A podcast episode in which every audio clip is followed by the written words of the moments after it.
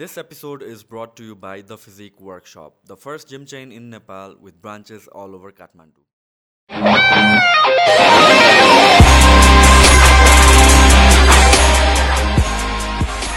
तपाईँको जर्नीबाटै सुरु गरौँ चाहिँ। तपाईँले चाहिँ साइकलमा ट्राभल गर्नुभएको छ। इस्ट टु वेस्ट नै ट्राभल गरिसक्नु भएको हो कि गर्ने प्लान हो कि तपाईँ तराईतिर पनि ट्राभल गर्नुभएको छ? इस्ट टु वेस्ट होइन। पश्चिमबाट पूर्व। वेस्टबाट इस्ट अँ, वेस्ट टु इस्ट। त्यो चाहिँ सकिसक्यो ओके। सो होल जर्नी नि तपाईँले साइकलबाट गर्नुभयो। सो त्यो तपाईँको साइकलवाला फर्स्ट जर्नी थियो कि त्योभन्दा पहिला पनि तपाईँले साइकलमा चाहिँ लङ त्यो किनभने चाहिँ अब यो it is such a long journey नि त। त्यो एकैचोटि त जम्प गरेर त सकिँदैन होला। त्यसको लागि पनि केही प्रिपरेसन चाहिन्छ होला। अब अब त्यो फर्मली प्रिपरेसन हुनसक्छ या इन्फर्मली प्रिपरेसन हुनसक्छ? अब कतिजनाको साइकल नै चलाइराख्ने बानी छ भने मेबी इन्फर्मल प्रिपरेसन हुन्छ होला। कतिजनालाई चाहिँ ओके मलाई यत्रो डिस्टेन्स कभर गर्नु छ भनेर सम सोर्ट अफ ट्रेनिङ गर्नुहुन्छ होला।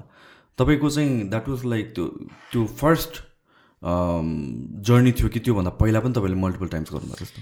यस्तो थियो। लामो यात्रा साइकलको त त्यो पहिलोचोटि गरेको हो। हजुर। अब मलाई धेरै वर्ष अगाडि खास गरी दुई हजार अडचालिस सालतिर होला। मलाई एकचोटि महाका मेचीबाट महाकाली साइक्लिङ गर्ने इच्छा भयो। अनि त्यसपछि मैले केही व्यक्तिहरूलाई भनेँ ल मलाई त साइकल चलाउनु मन लाग्यो म महाकाली ए मेचीबाट महाकाली। अनि मलाई डिस्काउन्ट पनि भयो। एक्लैले अनि मेचीबाट महाकाली जाने। साइकलमा जाने होइन बरु मोटरसाइकलमा गयो हुन्छ। किनकि म मोटरसाइकल चलाउनु चलाउँथेँ पनि होइन? तर मलाई मोटरसाइकल खासै मनदेखि चलाउनु चाहिँ त्यति मन पर्दैन। चलाउनु चाहिँ मलाई राम्ररी आउँछ अनि ल त्यसो भए ठिकै छ अहिले म साइकलबाट गर्ने भन्ने कुरा। गर्नु त गर्ने तर अहिले म नगर्ने भनेर मलाई खास त्यो किन गरिहाल्न मन लागेन थाहा भएन। सायद त्यो अडचालिस उनपचास सालतिरको कुरा हुनसक्छ। या उनपचास पचास मलाई ठ्याक्कै अहिले थाहा छैन। अनि बिचमा मेरो त्यो लामो यात्रा साइक्लिङ गर्ने भन्ने दिमागमा त हटिसकेको थियो। र धेरै वर्षपछि सायद सन् दुई हजार एघार होला। एघारमा जब म यता व्यक्तिगत कारणले म स्विजरल्यान्डमा थिएँ। अनि त्यहाँबाट म अब फर्किने पक्षमा। अब फर्किँदाखेरि म कहाँ जाउँ भन्ने भइरहेको थियो मलाई होइन? म यता जापान जाउँ कि नेपाल जाउँ कि बङ्गलादेश जाउँ कि भनेर इन्डिया जाउँ कि अनि यसो सोचेँ अनि एक दुईजना साथीहरूसँग पनि सल्लाह गरेँ। होइन अब किन अरू देश जाने? बरु नेपालै आएको ठिक छ बरु पेन्डिङ कामहरू सकेको ठिक होला भन्ने भयो। ल ठिकै छ भनेर म नेपाल आएँ। नेपाल आएर केही महिनाहरू त्यतिकै सोच विचार गरेर बसेँ खास गरी। आफ्नो जिन्दगीको पनि एक खालको समीक्षा जस्तो पनि भयो मेरो लागि। अब मैले के कति काम कति गरेँ गरिनँ होइन? अब त्यही क्रममा अनि म फेरि विपसना पनि गएँ। र विपसना गइसकेपछि अनि फेरि पनि म सोच विचारमै थिएँ अनि झल्यास मलाई के लाग्यो भने ओहो मेरो उहिले मैले साइकल यात्रा गर्छु भनेको थिएँ अब त्यो साइकल यात्रा पहिला पुरा गर्नु पऱ्यो भन्ने लाग्यो मलाई अनि त्यसपछि अब मसँग साइकल त थिएन अनि पहिला मसँग साइकल थियो अनि फेरि थिएन फेरि थियो फेरि थिएन त्यस्तो भइराखेको थियो अनि साइकल चोरी पनि भयो कुनै बेला कुनै बेला साइकल भएको साइकल मैले उपहार पनि दिएँ अब त्यसै कारणले अब साइकल थिएन। अब साइकल यात्रा त जाने तर मैले साइकल कसरी जुटाउने भन्ने भयो। त्यसपछि साइकल पसलहरू साइकल पसलहरू काठमाडौँमा अब कहीँ कहीँ त थियो देखिरहेको थियो। त्यसपछि अब के के साइकल पसलहरूलाई गएर कुराकानी गर्नु पऱ्यो मेरो आफ्नो बारे पनि बताउनु पऱ्यो अनि यदि उहाँहरूले साइकल सहयोग गर्नुभयो भने मलाई यात्रा गर्न सजिलो हुन्छ भनेर। अनि त्यसपछि म गएँ कुराकानी गर्नलाई। खास गरी ठमेरमा एकजना हुनुहुन्छ छिमी गुरुङ भन्ने। उहाँ त्यति बेला नेपाल साइक्लिङ सङ्घको अध्यक्ष पनि हुनुहुँदो रहेछ जुन मलाई चाहिँ थाहा थिएन। र उहाँको पसलमा गएँ कुराकानी गरेँ। गरिसकेपछि उहाँले के भन्नुभयो भने आजसम्म मकोमा साइकल सहयोग माग्न आउने धेरैजना मान्छेहरू थिए र प्रायः सबैजना पुरुषहरू थियो। आज पहिलोपटक एकजना महिला आउनुभयो तपाईँ। र बिस मिनटमा मैले आफ्नो कुरा सकेँ होइन? म को हुँ? मलाई साइकल यात्रा गर्नु छ भनेर। उहाँ एकदमै खुसी पनि हुनुभयो र के भन्नुभयो भने ठिक छ उषाजी म तपाईँलाई साइकल दिन्छु। तर मसँग तपाईँको हाइट अनुसार तपाईँलाई जुन खालको साइकल चाहिन्छ तपाईँलाई म यो साइकल दिन्छु ग्यारी फेसर भन्ने। त्यो एकदमै राम्रो साइकल हो। तर अब त्यो सेकेन्ड ह्यान्ड साइकल हो एक दुईपट्टि प्रयोग भइसकेको छ अनि तपाईँ त्यही साइकल लानु। सबै एकदम राम्रो कन्डिसनमा छ भन्नुभयो भने मैले ठिकै छ मलाई केही समस्या छैन। मेरो साइक्लिङमा ग्रिप राम्रो छ भने। अनि उहाँले के सोध्नुभयो भने मलाई तपाईँले यत्रो वर्ष साइकल चलाउनु भएको छैन होइन? अनि अब साइकल अब दुई तिन हप्तापछि नै दुई हप्तापछि नै यात्रामा जान्छु भन्नुभएको छ। गाह्रो होला कि भन्नुभयो? अनि मैले मलाई खासै गाह्रो हुँदैन। मेरो एकदम राम्रो कमान्ड छ भन्ने भयो। अनि साइकल लिनलाई तिन चार दिनपछि आउनु भन्नुभएको थियो। अनि म गएँ साइकल लिएँ। र त्यही बिचमा मैले के गरेँ भने चाहिँ अब म एकजना व्यक्तिको या एउटा कुनै कम्पनीको स्पोन्सरसिप भन्दा पनि सामूहिक ढङ्गले फरक फरक व्यक्ति समुदायहरूबाट मलाई यो यात्रामा सहयोग भइदिए राम्रो हुन्छ भन्ने लागेर अनि मैले केही व्यक्तिहरूलाई पनि भेटेँ कुराकानी पनि गरेँ। अब त्यसमा मलाई मैले दुइटा कुरा गरेँ त्यति बेला। एउटा त अब साइकल यात्रा गर्दाखेरि ध्यान दिनुपर्ने कुराहरू के के हुनसक्छ लामो यात्रा गर्दा। दोस्रो भनेको सहयोगहरू के कसरी गर्न सक्नुहुन्छ भनेर। अनि मलाई लाग्छ मैले एउटा एउटा साइकल कम्पनीसँग सहयोग के लिएको छु भने मात्र पन्जा पनि लिएको छु कि मैले होइन? अब फेरि त्यो अहिले त्यो पसलको म नाम लिन्न होइन? उहाँहरू भनेको नेपालको ब्रान्डिङ कम्पनी हो होइन साइकलको। अनि मलाई कोही कोहीले डिस्काउन्ट पनि भयो कि। त्यस्तो ब्रान्ड कम्पनी साइकलवालासँग तपाईँले चाहिँ पन्जा मात्र लेखो भन्नुभयो कि। होइन अन्तिममा मलाई पन्जा एउटा बाँकी रह्यो होइन? अनि ठिकै छ नि।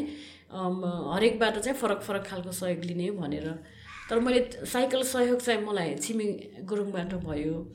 अनि बाँकी धेरै साइकलको गियर्सको सहयोग मलाई प्याङ्क बाइकबाट भयो। र उहाँहरूलाई मैले भनेको पनि थिएँ तपाईँहरूलाई मैले मेरो जानकारी छ। यो यात्रामा मैले फरक फरक व्यक्तिहरूसँग फरक फरक समुदायहरू संस्थाहरूसँग भने कम्पनीहरूसँग पनि सहयोग लिन्छु। मलाई आवश्यक परेको। त्यसमा तपाईँहरूले चाहिँ अन्यथा नलिनु होला भनेर। अनि उहाँहरूले पनि खुसी भएर ठिक छ तपाईँको आफ्नो इच्छा होइन तपाईँलाई जे ठिक लाग्छ त्यो गर्नु होला भन्नुभयो। र अहिलेसम्म पनि त्यो जारी छ खास गरी होइन? अँ, प्याङ्क बाइकले मलाई साइकल सपोर्ट गरिराखेको छ। अहिले म जुन साइकलमा आएको छु होइन सेफवेको अँ, त्यो साइकल पनि अहिले टुरिङ साइकल हो त्यो खास गरी।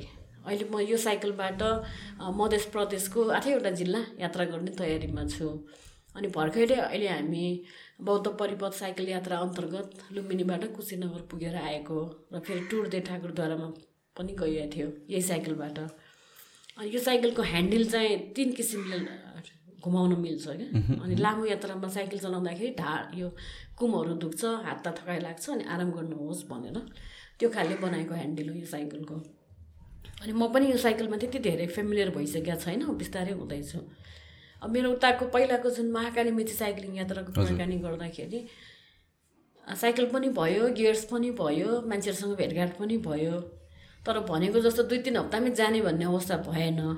केही समय लाग्यो। तर त्यही बिचमा तयारीकै क्रममा म साइकलबाट लडेर यो कुइनो चाहिँ फुस्क्यो। एल्बो डिस्लोकेट भयो दाहिने हातको जानुभन्दा अगाडि नै। हजुर। अनि त्यसो हुँदाखेरि अब मेरो तिन वर्ष चाहिँ त्यसले गर्दाखेरि अब तन्कियो। किनभने अब यो पुरै ठिक पनि हुनु पऱ्यो अनि लडेको किन कसरी भन्ने पनि छ त्यसको रमाइलो कहानी पनि छ। लडेँ भनेर। अब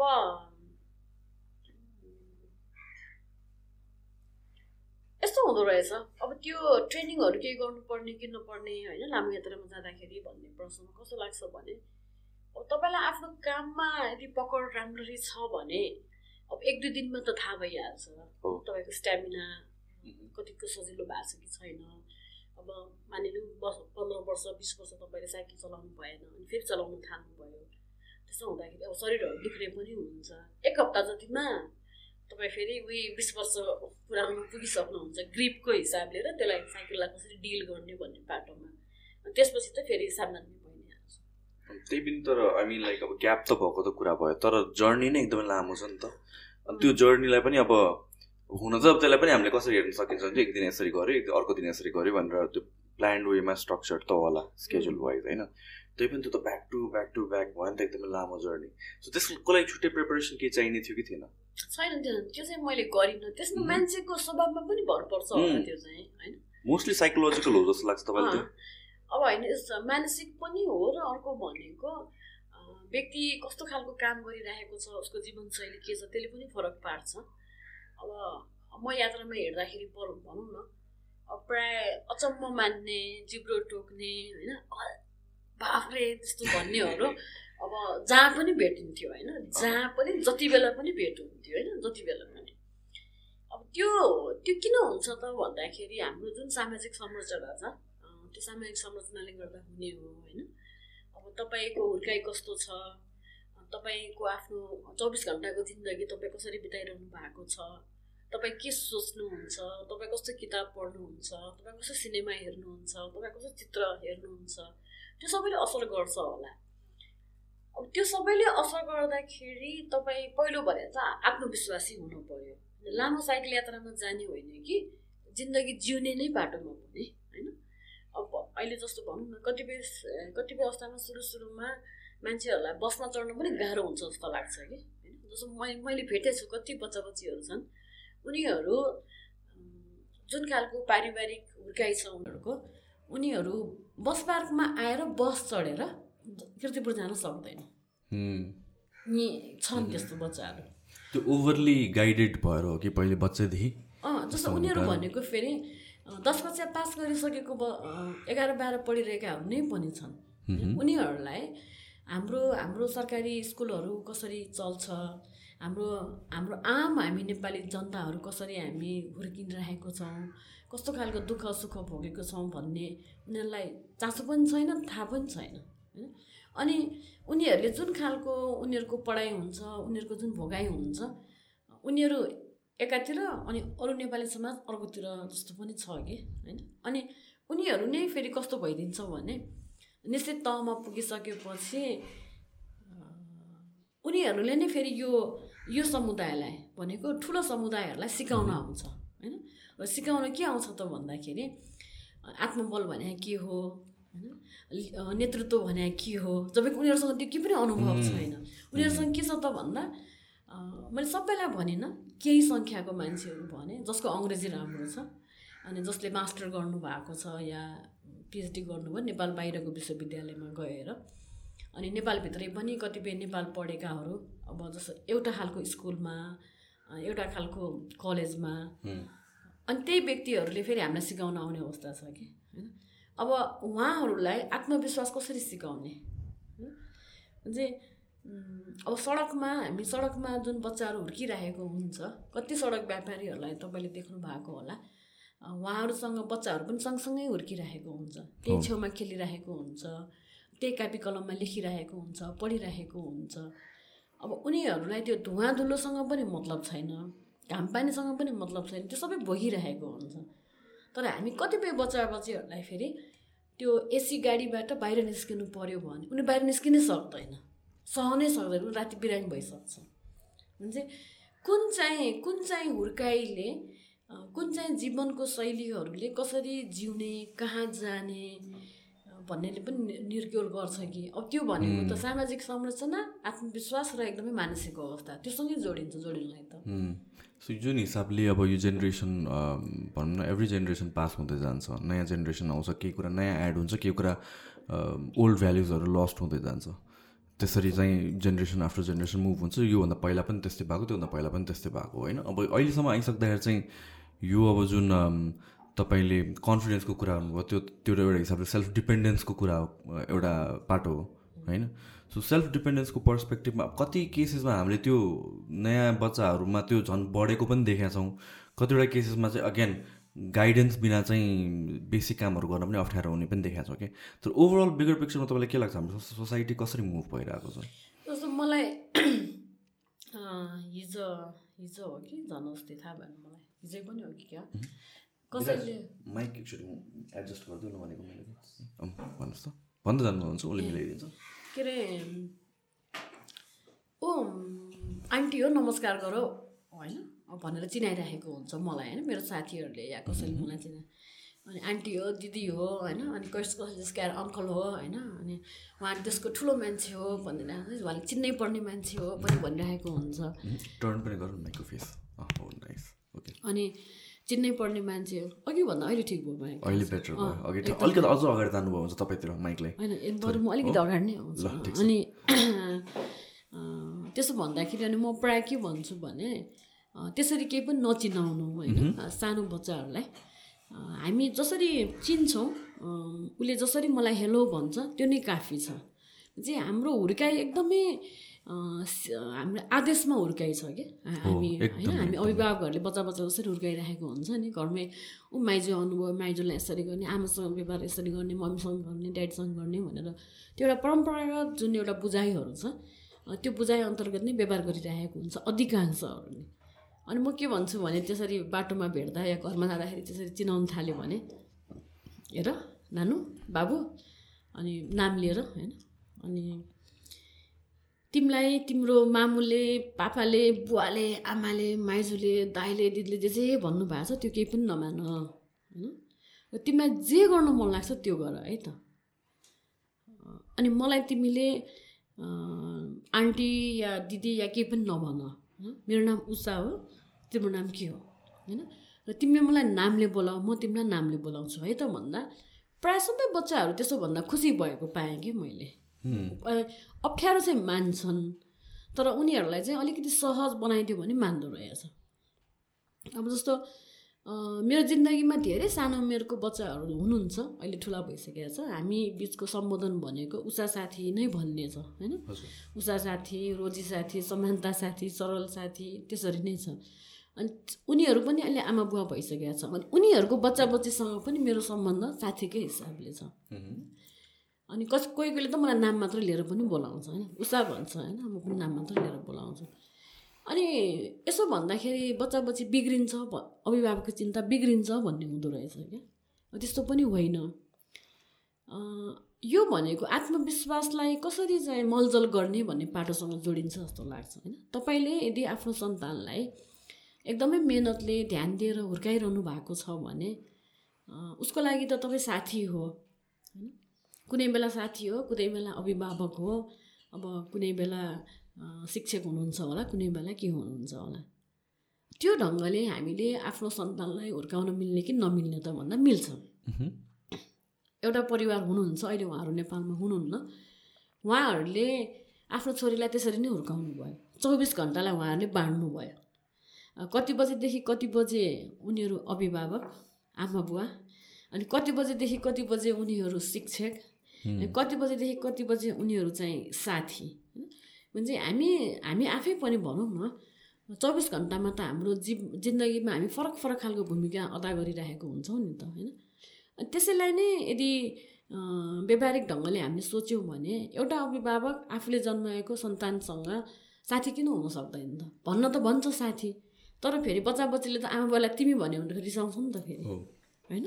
अनि यहाँ अहिले पछिल्लो चरण पनि मैले एकजना थाहा पाएँ एकजना साथीले बताए कि सञ्चारकर्मी नै हुनुहुन्छ उहाँहरू। उहाँको उहाँले एक दिन छोरीलाई अफिसमा लिएर जानुभएछ। अनि छोरीले गएर चाहिँ अफिसमा सबैजनाहरूलाई नाम लिएर बोलाएछ। अनि अफिसको कर्मचारीहरू चाहिँ अब सबै अब छक्क पऱ्यो होइन? हामीलाई त सबैले प्रायः त अब अङ्कल आन्टी के के भन्ने हुन्छ यो बच्चाले त हामी सबैलाई नाम लिएर बोलायो। नाम लिएर बोलायो अनि तिमी भनेर बोलेछ। अब त्यो बच्चीलाई नेपाली साहित्यको अधिकांश कविताहरू आउँदो रहेछ कि उसले पढिसकेको रहेछ। अनि सुनायो पनि। अनि कर्मचारीहरू खुसी के भयो भने उसलाई त यस्तो कविता आउँदो रहेछ त होइन? भने अभिभावकहरूले तिमी भन्न सिकाउने या साथी भनेर व्यवहार गर्दाखेरि सँगसँगै ज्ञानको हिसाबले पनि सन्तानलाई कसरी हुर्काएछ भन्ने पनि उत्तिकै महत्त्वपूर्ण हुन्छ होइन? अब अहिले कस्तो समस्या देखिएको छ भने प्रायःको घरमा एन्ड्रोइड मोबाइल या फोटो खिच्न मिल्नु खिच्न मिल्ने खालको मोबाइल जहाँ के गीत पनि हुन्छ भिडियो पनि हुन्छ सुन्न मिल्छ। प्रायःको घरमा अब नेपाली जनताको प्रत्येकको घरमा छ त भन्न सकिँदैन। तर अब धेरै जसोले त्यस्तो खालको मोबाइल लिन खोजिरहेको छ। अब त्यो मोबाइलमा उनीहरूले गीत कस्तो सुन्छ भन्ने महत्त्वपूर्ण भयो नि त। अब अहिले के पाउनुहुन्छ भने तपाईँले टिका टिप्पणीहरू छोराछोरीहरू मोबाइलले बिग्रियो प्रायःले भन्नुहुन्छ होइन? अनि भर्खर दुई वर्षको उमेरको बच्ची बच्चीलाई पनि अभिभावकहरूले मोबाइल देखाइरहेको हुन्छ। मोबाइलबाट गीत सुनाइरहेको हुन्छ। मोबाइलबाट एबिसिडी सुनाइरहेको हुन्छ। अब एकातिर हाम्रो साइन्टिफिक रिसर्चले के देखाइसक्यो भने सकेसम्म मोबाइल बच्चालाई नदिनु भनिरहेको छ युरोपमा त दिँदै दिँदैन। अब युरोप जस्तो स्विजरल्यान्डमा मैले देखेँ होइन बच्चा बच्चीहरूलाई उनीहरूलाई सकेसम्म माटोसँगै खेलाउने र सकेसम्म हिँड्न जाने होइन? सकेसम्म आफ्नो शारीरिक कामहरू गर्ने र टिभीमा पनि स्कुलबाट लेखेर पठाएको हुन्छ एउटा चिट। त्यो चिट अनुसार उनीहरूले कुन बार कति बजेको प्रोग्राम मात्र टेलिभिजनमा हेर्ने होइन? बाँकी उनीहरू टेलिभिजन पनि हेर्न पाउँदैन। यो स्विजरल्यान्डको कुरा। यो सर्टन एजसम्मको लागि चाहिँ त्यसरी गरिन्छ। अँ यो अँ, भनौँ न यो प्लेग्राउन्ड मन्टेसोरी त्यसपछि अनिखेरि प्राइमरी स्कुल होइन? सेकेन्डरीमा जानलाई फेरि अर्को ढङ्गले गर्ने भयो होइन? अब हामी कहाँ अहिले हामी कहाँ हेर्नुभयो भने बच्चा जन्मिनु पाएको छैन उसको मोबाइलसँग सम्बन्ध भइसक्छ। हो यो यो चाहिँ मलाई पनि अलिक प्रब्लमेटिक लाग्छ किनभने चाहिँ अब यो त हाम्रो फर्स्ट जेनेरेसनमा इन प्र्याक्टिस आइरहेको छ नि त। जस्तै हामी सानो हुँदाखेरि त मोबाइल भन्ने चिज नै थिएन। ब्ल्याक एन्ड व्हाइट टिभीहरू हुन्थ्यो पछि बिस्तारै कलर टिभी आयो सो टेक्नोलोजी या भन्छ मिडियामा एउटा कन्टेन्टमा त्यसरी भिजिएको थिएन। कि र कन्टेन्ट भनेको अब अहिले हेर्ने हो भने त इभन फर ग्रोन अडल्ट पनि कन्टेन्टले त हामी कसरी सोध्छौँ? मिडियाले हामीलाई सेप गर्ने कुरा हो।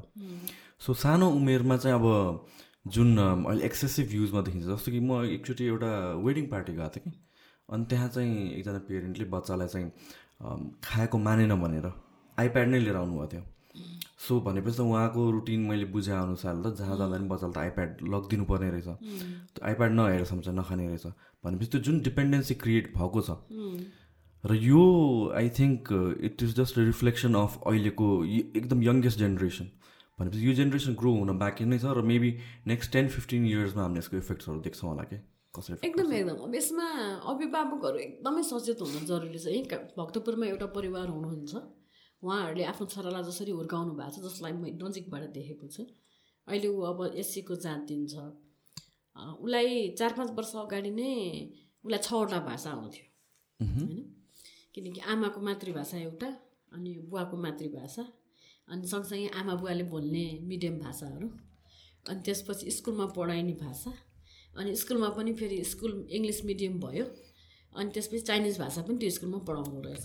भनेपछि मैथिली नेपाली नेपाल भाषा अनि हिन्दी इङ्ग्लिस चाइनिज छवटा भाषामा त्यो बच्चाको कमान्ड छ है। जे अब अनि उसलाई पनि निश्चित टाइमहरू दिइएको छ। स्कुलबाट आइसकेपछि उसले टेलिभिजन हेर्छ नहेर्ने होइन खाजा खान्छ होइन एकछिन आराम गर्दै टेलिभिजनको कार्यक्रम हेर्छ। टेलिभिजनमा के हेर्छ त भन्दा नेसनल जोग्राफी होइन डिस्कभरी च्यानल साइन्स र टेक्नोलोजीसँग रिलेटेड च्यानलको प्रोग्रामहरू हेर्छ आधा घन्टा जति हेर्छ त्यसपछि सकियो। या ऊ पहिला फेरि बाहिर खेल्न जान्छ साथीहरूसँग अनि फेरि टिभी हेर्छ सक्यो। अनि त्यसपछि होमवर्क गर्ने अनि खाना खाने सुत्ने। अहिले त अभिभावक झन् यति धेरै सचेत हुनुपर्ने अवस्था छ। यो जुन खालको अहिले टेक्नोलोजीले अ, एक ढङ्गले सहज पनि बनाइदिएको छ। डाटामा तपाईँको एक्सेस जुन हुन्छ मेटेरियलमा जुन एक्सेस हुन्छ तपाईँ कस्तो खालको फिल्म हेर्ने कस्तो खालको फोटो हेर्ने कस्तो खालको चित्र हेर्ने कस्तो खालको किताब पढ्ने भनेर अलिकति आधा पन्ध्र बिस मिनट तपाईँले मिहिनेत गर्नुभयो भने तपाईँले राम्रो सामग्रीहरू तपाईँले पढ्नु पाउनुहुन्छ हेर्न पाउनुहुन्छ।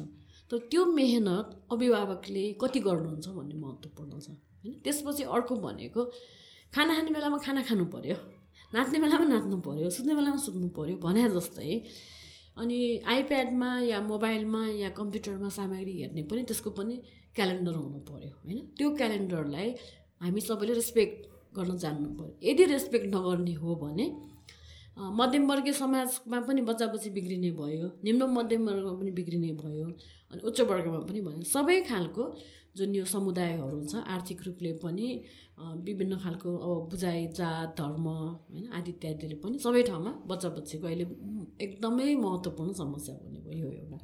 अब अहिले सरकारको पनि कार्यक्रम के छ भने खास गरी कोभिडले गर्दा के भइदियो अनलाइनमा हामी बढी जाने भन्यो होइन? एकातिर स्मार्ट भनेर अर्को एउटा हाउबुजी छ इल्युजन छ। मलाई खुसी लाग्यो तपाईँकोमा। त्यो डिजिटल कार्बन डाइअक्साइड उत्पादन गर्ने घडी रहेनछ क्या होइन? त्यो टाइमरको हिसाबले होइन? नभए अब कसो देखिया छ भने अहिले धेरै ठाउँमा स्मार्ट भन्ने नाममा त्यो कार्बन डाइअक्साइड उत्पादन गर्नको लागि भनेर त्यो डिजिटल घडीहरू राख्न थालेको छ जसको कुनै पनि अर्थ छैन होइन हामीसँग मोबाइलमा पनि घडी छ कतिपयले हातमा पनि लाउनुहुन्छ। र अलिकति सूर्यको प्रकाशलाई ध्यान दिनुभयो भने तपाईँलाई थाहा हुन्छ कि कति बजे जस्तो भनेर। अनि यो घडीको प्रसङ्गमा एउटा कुरा याद आयो मलाई। म र एकजना साथी हामी एकचोटि पुतली सडक हुँदै बस ए हामी यता थापथलीबाट बस बग्रोबाट बस चढेर बागबजार जाँदै थियौँ। अनि बस पुतली सडक भएर जान्छ भक्तपुरबाट आउने एउटा बस। हामी उभिएकै थियौँ होला भिड मान्छे पनि कम थियो। के प्रसङ्गमा हातमा घडी छैन के भयो? अनि मैले के भनेँ भने म त घडी लाउँदिनँ मलाई ठिक लाग्दैन भने किन नलाउने भनेको? म म म चाहिँ मेरो जिन्दगी घडीको समयअनुसार चलाउने होइन कि मैले मेरो समयअनुसार चाहिँ घडी चल्नुपर्छ भनेको छु कि मैले। यो याद आयो मलाई धेरै वर्षपछि। यो अहिले यो प्रसङ्गमा कसरी मलाई जोड्नु मन लाग्यो भने तपाईँसँग प्रविधि छ तपाईँसँग ठाउँ छ स्पेस छ तर त्यसलाई तपाईँले कसरी प्रयोग गर्ने भन्ने कुरा चाहिँ महत्त्वपूर्ण रह्यो कि?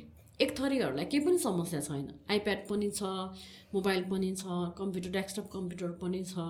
अब अरू के के के के हुनसक्छ होइन? भोलि गएर कसैले भन्ला हामीसँग त हामीहरू त सेटेलाइटसँग डाइरेक्ट एक्सेस पनि छ भनिदिएला होइन? तर तपाईँले डाटा चाहिँ के पठाउनुहुन्छ त? होइन? र त्यो डाटा चाहिँ कसरी बन्छ त? जस्तो नेपालमा अहिले हामीले नेपालको जुन खालको भूगोल छ नेपालको जुन खालको जियोग्राफी छ त्यसलाई तपाईँले ध्यान दिनुभयो भने त्यो भूगोललाई ध्यानमा राखेर हाम्रो देशको बच्चा बच्चीहरूको एज ग्रुप उमेर अनुसारको बच्चा बच्चीलाई ध्यानमा राख्ने हो भने शैक्षिक सामग्रीहरू त्यो अनुसार किन छैन? एउटा पनि शैक्षिक सामग्री छैन जुन नेपालको भूगोललाई ध्यानमा राखेर बनाइएको। एउटा पनि छैन। आजसम्म छैन। र यो देशमा कम्प्युटर इन्जिनियरिङ पढ्नेहरू सफ्टवेयर पनि हार्डवेयर पनि धेरै नै हुनुहुन्छ। सफ्टवेयर इन्जिनियरिङ पढ्नेहरू कतातिर गइरहनु भएको छ? हार्डवेयर इन्जिनियरिङ पढ्नेहरू कतातिर गइरहनु भएको छ। अनि आइटी नै आइटीकै पनि आइटी पढ्नेहरू वेबसाइट डिजाइनमा लाग्नु भएको छ भने नेपालबारे इन्फर्मेसन पाउने हिसाबले यदि थिमेटिक ढङ्गले तपाईँले यदि गुगल सर्च गरेर नेपालको वेबसाइटहरू जानुभयो भने एकदम कम पाइन्छ कि? भनेको स्पेलाइज ढङ्गको इन्फर्मेसन पाउने हामीसँग स्पेसै छैन कि? अब त्यो के भन्छ खिचडी जस्तो जानकारी पाउने चाहिँ सबै नै हुन्छ। तर स्पेलाइज इन्फर्मेसन पाउँदै पाउँदैन। होइन? अब अहिले हामी कहाँ न्युरोलोजीको प्रब्लम भएको मान्छेहरू अर्थोपेडिकको प्रब्लम भएको मान्छेहरू एकदमै बढिरहनु भएको छ। हो। अनि फिजियोथेरापी सपोर्ट उहाँहरूलाई चाहिन्छ ट्रिटमेन्टको लागि। र सायद अहिले नेपालमा वरिपरि छ सात वर्ष अगाडि पाँच हजारभन्दा बढी फिजियोथेरापिस्ट थियो भन्ने सुनेको थिएँ। अब अहिले दस हजारको अराउन्डमा फिजियोथेरापिस्टको सङ्ख्या पुग्यो कि पुगेन मलाई थाहा छैन। अधिकांशहरू इन्डियाबाट पढेर आउनुहुन्छ। अनि काम खोजिरहनुहुन्छ धेरैले। तर स्पेलाइज फिजियोथेरापिस्ट पाउन गाह्रो छ कि अहिले पनि पाउ पाउन गाह्रो छ। अब फिटनेस सेन्टरहरूमा फिजियोथेरापिस्टहरू हुन्छ कि हुँदैन मलाई थाहा छैन। तर प्रायः हस्पिटलहरूमा अहिले फिजियोथेरापिस्ट राखेकै छ। हजुर। अनि अब जस्तो हामी साइक्लिङ गर्ने हिसाबले साइकललाई ध्यानमा राखेर स्पोर्ट्स फिजियोथेरापिस्ट नेपालमा कतिजना छन्? साइकल मात्र होइन। खेलको विभिन्न हो। होइन? खेलको विभिन्न विधालय हेर्ने हो भने फिजियोथेरापिस्ट सबै खेलमा चाहिन्छ। अब अहिले मैले गएर यदि राष्ट्रिय खेलकुद परिषद अन्तर्गत सोधेँ भने होइन उहाँहरूको त्यो मेकानिजममा छ कि छैन त फिजियोथेरापिस्ट? थिमेटिक ढङ्गले भने सायद छैन जस्तो लाग्छ। सो यो जुन अब हामी फेरि ब्याक टु साइकलको कुरा जाँदाखेरि चाहिँ तपाईँले जुन महाकालीबाट मेचीसम्म ट्राभल गर्नुभयो यो खासमा तपाईँले ट्राभल गर्नु मन लागेको त फोर्टी एट फोर्टी नाइनतिर भन्नु भन्नुभयो। दुई हजार थियो। सालतिर मेचीबाट महाकाली भन्ने सोचेको थिएँ त्यति बेला। तर पछि चाहिँ बिचमा त्यो दिमागबाट हरायो। अनि जब पछि दिमागमा फेरि आयो आउँदाखेरि मैले महाकालीबाट मेची गरेँ। सो त्यसको लागि केही स्पेसिफिक रिजन थियो कि? पहिला सुरु चाहिँ त्यो डिरेक्सन चेन्ज गर्नु अ, तिर। अँ, त्यसमा यस्तो लाग्यो मलाई। अब बिचमा अब बिचमा महाकालीबाट मेची किन गर्ने भन्दा अब पहिला त मेरो दिमागमै थिएन महाकालीबाट मेची गर्छु भनेर मेचीबाट महाकाली भन्ने नै थियो। बिचमा हरायो। अनि जब मैले महाकाली मेची गर्छु भने त्यति बेला दुई तिनवटा कारणहरू थियो। खास गरी एउटा कारण भनेको अब सूर्य पूर्वबाट उदाउँछ पश्चिमतिर जान्छ। अनि मैले पश्चिमबाट साइक्लिङ गरेँ भने सेलुवेट फोटोग्राफी अलिक धेरै मैले गर्न सक्छु भन्ने लाग्यो मलाई होइन? बिहान बिहान हुन्छ अनि त्यसपछि एन्टिलाइट हुने हुन्छ अनि मलाई फेरि सेलुवेट फोटोग्राफी एकदमै मनपर्छ अनि म एकदमै धेरै गर्छु। एउटा कारण त्यो थियो। दोस्रो कारण के थियो भने नेपालको करिब छ हजार जति नदीहरू छ होइन? सानो र ठुलो गरेर। त्यो नदीहरू सबै बहने भनेको करिब करिब पश्चिम पश्चिमबाट पूर्व पूर्व हुँदै बहने हो कि सबै नदीहरू। जस्तो कोसी नदी नै पनि बहँदै कोसी नदी त अहिले काठमाडौँबाट त पूर्वमा पर्छ। र कोसी नदी पनि बहँदाखेरि चाहिँ ऊ यसरी बहँदैन कि यसरी बहन्छ होइन? पश्चिमतिर जान्छ।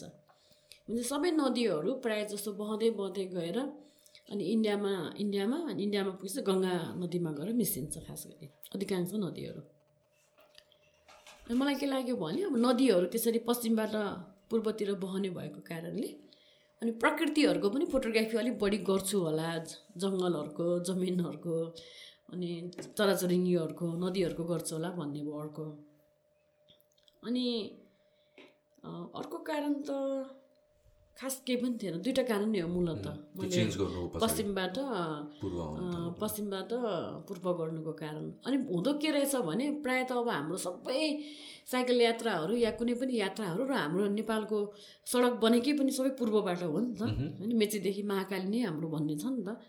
अनि मेरो साइकलमा चाहिँ साइकलमा मेरो नम्बर प्लेट पनि छ कि खास गरी होइन? M to M two thousand sixteen भनेर। साइकलमा नम्बर प्लेट त खासमा चाहिँदैन चाहिँदैन तर मैले आफ्नो ढङ्गले क्वाइन गरेको त्यो चाहिँ होइन? एम टु एम भनेपछि महाकाली टु मेची भयो। अनि टु थाउजन्ड सिक्सटिन भनेपछि म टु थाउजन्ड सिक्सटिनमा सुरु गरेको।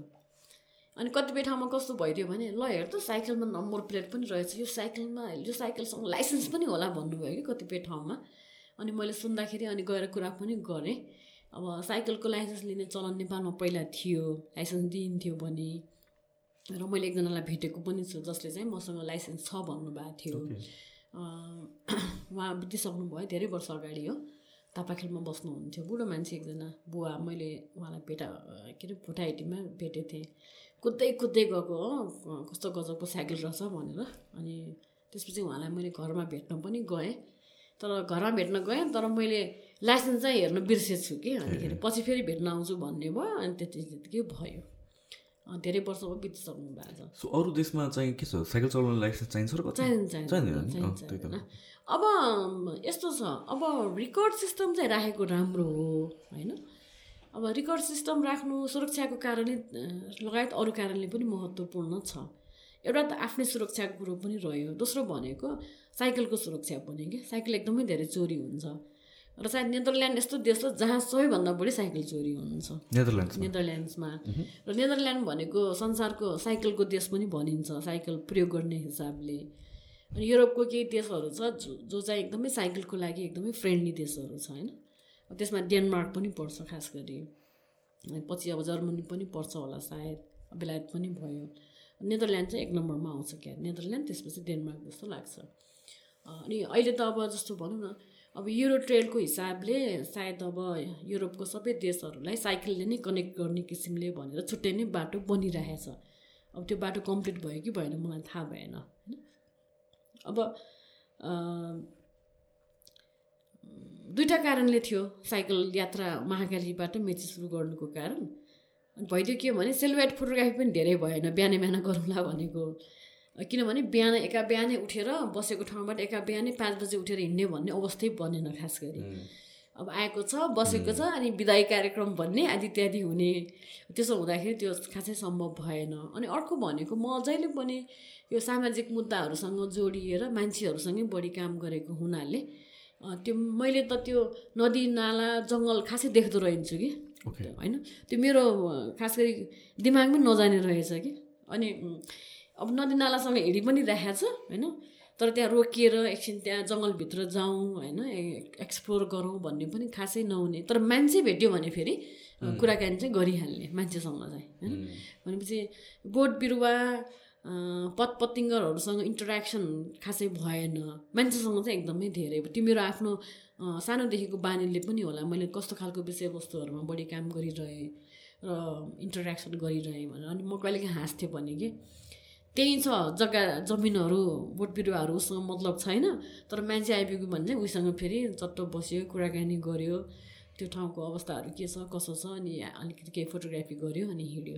त्यस्तो त्यो भयो। सो तपाईँको त्यो होल इन्टेन्सनले चाहिँ two thousand forty eight forty नाइनतिर मेचीदेखि महाकाली नै जाने भनेर जुन इच्छा आएको थियो। त्यसको पछाडि चाहिँ फोटोग्राफी रिजन थियो कि यतिकै एक्सप्लोरेसन थिएन। त्यति बेला त जाउँ भन्ने मात्रै थियो। फोटोग्राफी त मैले थालि नै सकेको थिएँ। तर त्यो अब फोटोग्राफीकै मलाई त धेरै डाइमेन्सन पनि अझ थाहा थिएन नि त होइन?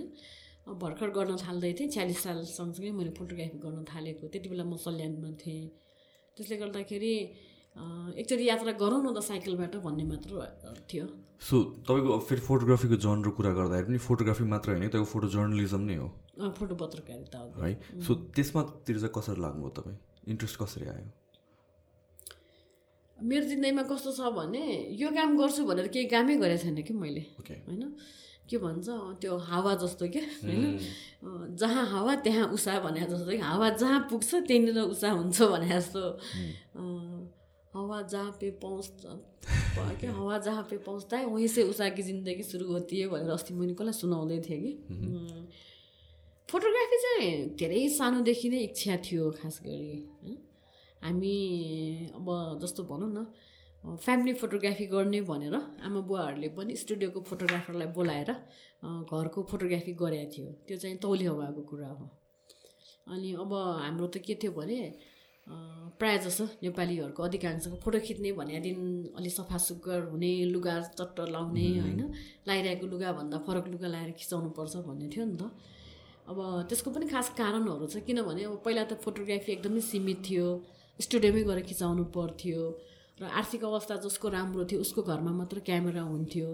बाँकी सबैजनासँग त क्यामेरा हुँदैन थियो। क्यामरै भए पनि लिमिटेड रिल हुन्थ्यो अहिले एकदमै रिल रिल राखेर जुन फोटोग्राफी हुन्थ्यो हो नि। अनि त्यसले गर्दा त्यो एउटा चाडपर्व जस्तै हुन्थ्यो कि फोटोग्राफी गर्ने भने चाहिँ होइन। अनि त्यो बिस्तारै बिस्तारै त्यो कसरी थोरै सहज हुँदै गयो भनेर त्यसको त एउटा फेरि कथा हुने भयो। अब पहिला रिलको फोटोग्राफी गर्नुभन्दा अगाडि ग्लास प्लेट फोटोग्राफी थियो। अनि त्यो सिसालाई अब त्यो सिसालाई क्यामेरामा राखेर जुन फोटोग्राफी गर्नुपर्ने हुन्थ्यो त्यो फेरि आफैमा अर्को महँगो प्रक्रिया थियो। रिल फोटोग्राफी आउनुभन्दा अगाडिको प्रक्रियामा जाने हो भने। र त्यो त अब हामीले सामान्यतया आम रूपले त्यो ग्लास प्लेट फोटोग्राफी खास धेरैजनाले गरेनौँ पनि थोरैजनाले मात्र गऱ्यौँ नेपालमै पनि। जस्तो हामीलाई पनि त्यो अनुभव छैन पढेको र देखेको मात्र हो। अनि यहीँ काठमाडौँमै पनि केही व्यक्तिहरूले ग्लास प्लेट फोटोग्राफी गर्नुभएको छ। अनि ग्लास प्लेट फोटोग्राफी पछि अनि बल्ल रिलको फोटोग्राफी आयो होइन? रिलको फोटोग्राफी बारे चाहिँ अलिकति हामीलाई थाहा हुने भयो। अब पहिला पहिला त अब एक ठाउँमा जम्मा गरेर अनि हङकङ धुलाउन पठाउनु पर्ने हुन्थ्यो होइन? नेपालबाट हङकङ धुलाउन पठाउँथ्यो। अनि त्यहाँबाट आइसकेपछि करिब पन्ध्र दिन एक महिना जति लाग्थ्यो फोटो आफ्नो हातमा पढ्नको लागि। अब अहिले कति सहज भइदिएको छ भने अहिले तपाईँ अहिले यहीँ तुरुन्तै फोटो खिचेर हेर्न पनि मिल्यो। र यहाँ अहिले प्रिन्टर छ भने तुरुन्तै प्रिन्ट फोटो निकाल्न पनि मिल्यो। एकदमै सहज भइदियो। तर सस्तो छ कि छैन त भनेर हेऱ्यौँ भने फेरि सस्तो चाहिँ छैन फेरि। होइन प्रविधि आफैमा महँगो पनि छ।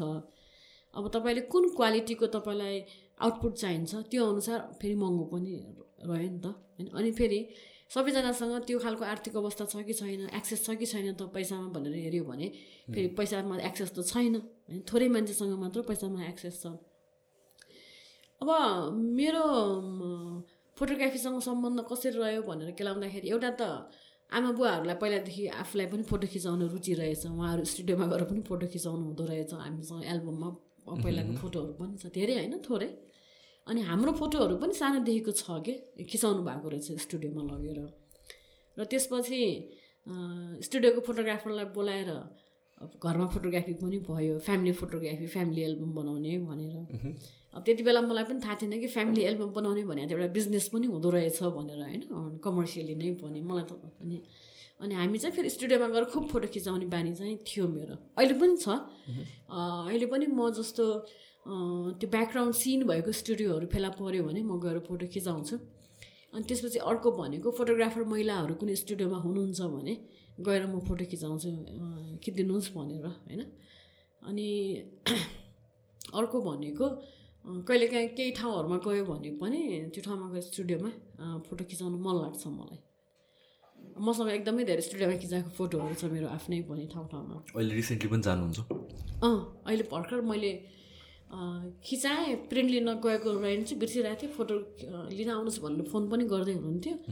पुदै सडकमा एउटा स्टुडियो छ अनि त्यहाँ एउटा सिन छ कि? कस्तो राम्रो सिन छ। त्यहाँबाट फोटो लिएर आएँ मैले। अनि त्यसपछि अर्को भनेको काठमाडौँ पुरानो काठमाडौँभित्र पनि कुनै कुनै स्टुडियोहरूमा अहिले पनि पुरानो सिनहरू छ खास गरी। पहिला पहिला जस्तो सिन पर्दामा राख्ने चलन थियो नि त। कुनै भित्तामा पनि हुन्थ्यो।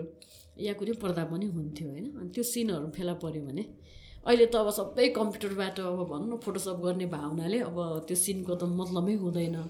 तर अब आजकल त फोटो प्रिन्ट गरिँदा पनि गरिँदैन खासमा कोही कोहीले चाहिँ गराउँदो रहेछ रहेछ।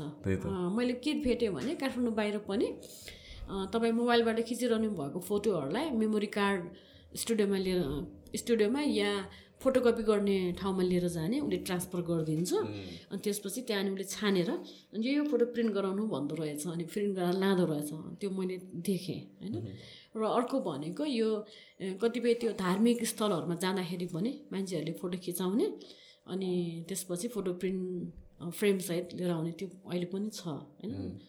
अब एकदमै धेरै भनेको मनकामनाकोमा देखिन्छ मनकामना मन्दिरको अर्को भनेको दक्षिण कालीमा पनि देखिन्छ अनि अरू ठाउँहरूमा पनि सायद होला। लुम्बिनीमा चाहिँ मैले खास देखिनँ। अब प्रिन्ट र फ्रेम हाल्ने भने चाहिँ कम चाहिँ कम छ होइन? अब अहिले जस्तो बिहाकोमा अलिक बढी छ क्या अरे अहिले। होइन त्यो प्याकेज डिल गर्दो रहेछ होइन? अनि फोटोग्राफी भिडियोग्राफी अब तर रमाइलो के भएको छ भने बिहाको फोटोग्राफीमा मैले जुन हेरिराखेको छु धर्म हिन्दू धर्म संस्कार अनुसार गरिएको बिहा या अन्य धर्म संस्कार अनुसार गरिएको बिहामा अब जस्तो अ, मानिलियो औँठी लगाइराखेको छ होइन? केही अब त्यो एउटा कार्य हुन्छ नि त। अनि फोटोग्राफी गर्ने मान्छेले त्यो मिस गर्छ नि त होइन? अनि अब हामी त पहिला एकदमै ध्यान दिएर बसिरहेको हुन्थ्यो होइन मिस नहोस् भनेर होइन? हामी त न्युज फोटोग्राफी गर्ने मान्छे। अनि न्युज त हामी जेनेरेट गर्नु मिलेन नि त। रियल टाइममै गर्नु पऱ्यो अब क्लिक भयो भयो भएन भएन होइन? अनि कमर्सियल फोटोग्राफी गर्नेहरूको लागि त त्यो खासै मतलब हुँदैन हो कि जस्तो लाग्छ मलाई त्यो डिसिप्लिनरी डिफ्रेन्सेसको कुराकानी गरेको। अनि उहाँहरू चाहिँ अब त्यो सिन चाहिँ अब धेरैचोटि क्रिएट गर्नु मिल्यो नि त। अनि सायद मैले नामाले एकचोटि भन्नु पनि भएको थियो। अब न्युज फोटोग्राफी गर्नेहरू चाहिँ क्लिक गर्यो गर्यो होइन? बाँकीहरूलाई त गाह्रो हुन्छ। हामी त कफी खाँदै चिया खाँदै ड्रिङ्क्स गर्दै होइन? फोटो खिचिरहनु हामी सक्छौँ भनेर। त्यो अनुसार हेऱ्यो भने अहिले अब औँठी लाउने कामहरू माला लगाइदिने कार्यहरू त्यो धेरैचोटि रि गर्दो रहेछ क्या। Retake retake retake. छुट्यो भने।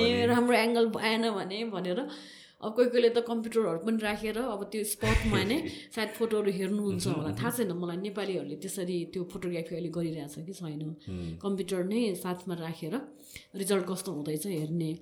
मैले के चाहिँ थाहा पाएको छु भने नेपालमा बि- अँ, बिहाको कार्यक्रम गरेको तर त्यो बिहाको चाहिँ अफिसियल फोटोग्राफी गर्नुको लागि चाहिँ बम्बेबाट चाहिँ फोटोग्राफरहरू चाहिँ आएको।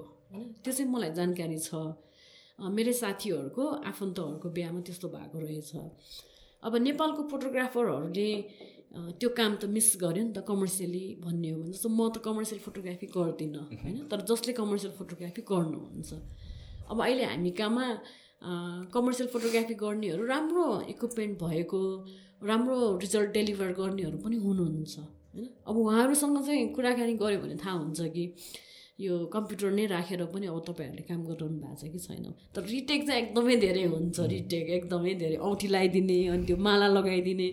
अब सिन्दुर लाउने रिटेक गर्छ कि गर्दैन त्यो चाहिँ मलाई थाहा छैन होइन? तर औँठी र मालाको चाहिँ रिटेक खुबै हुँदो रहेछ मोस्ट पिपलहरूको लागि त अब द्याट्स लाइक लाइफको बिगेस्ट मोमेन्ट जस्तो हो नि त। त्यसलाई कसरी पर्फेक्ट पार्ने भन्ने हिसाबले चाहिँ त्यो त्यसमा चाहिँ एउटा मैले तर के देखेँ भने जस्तो मैले म पनि कहिलेकाहीँ बिहाको फोटोग्राफी गर्छु होइन।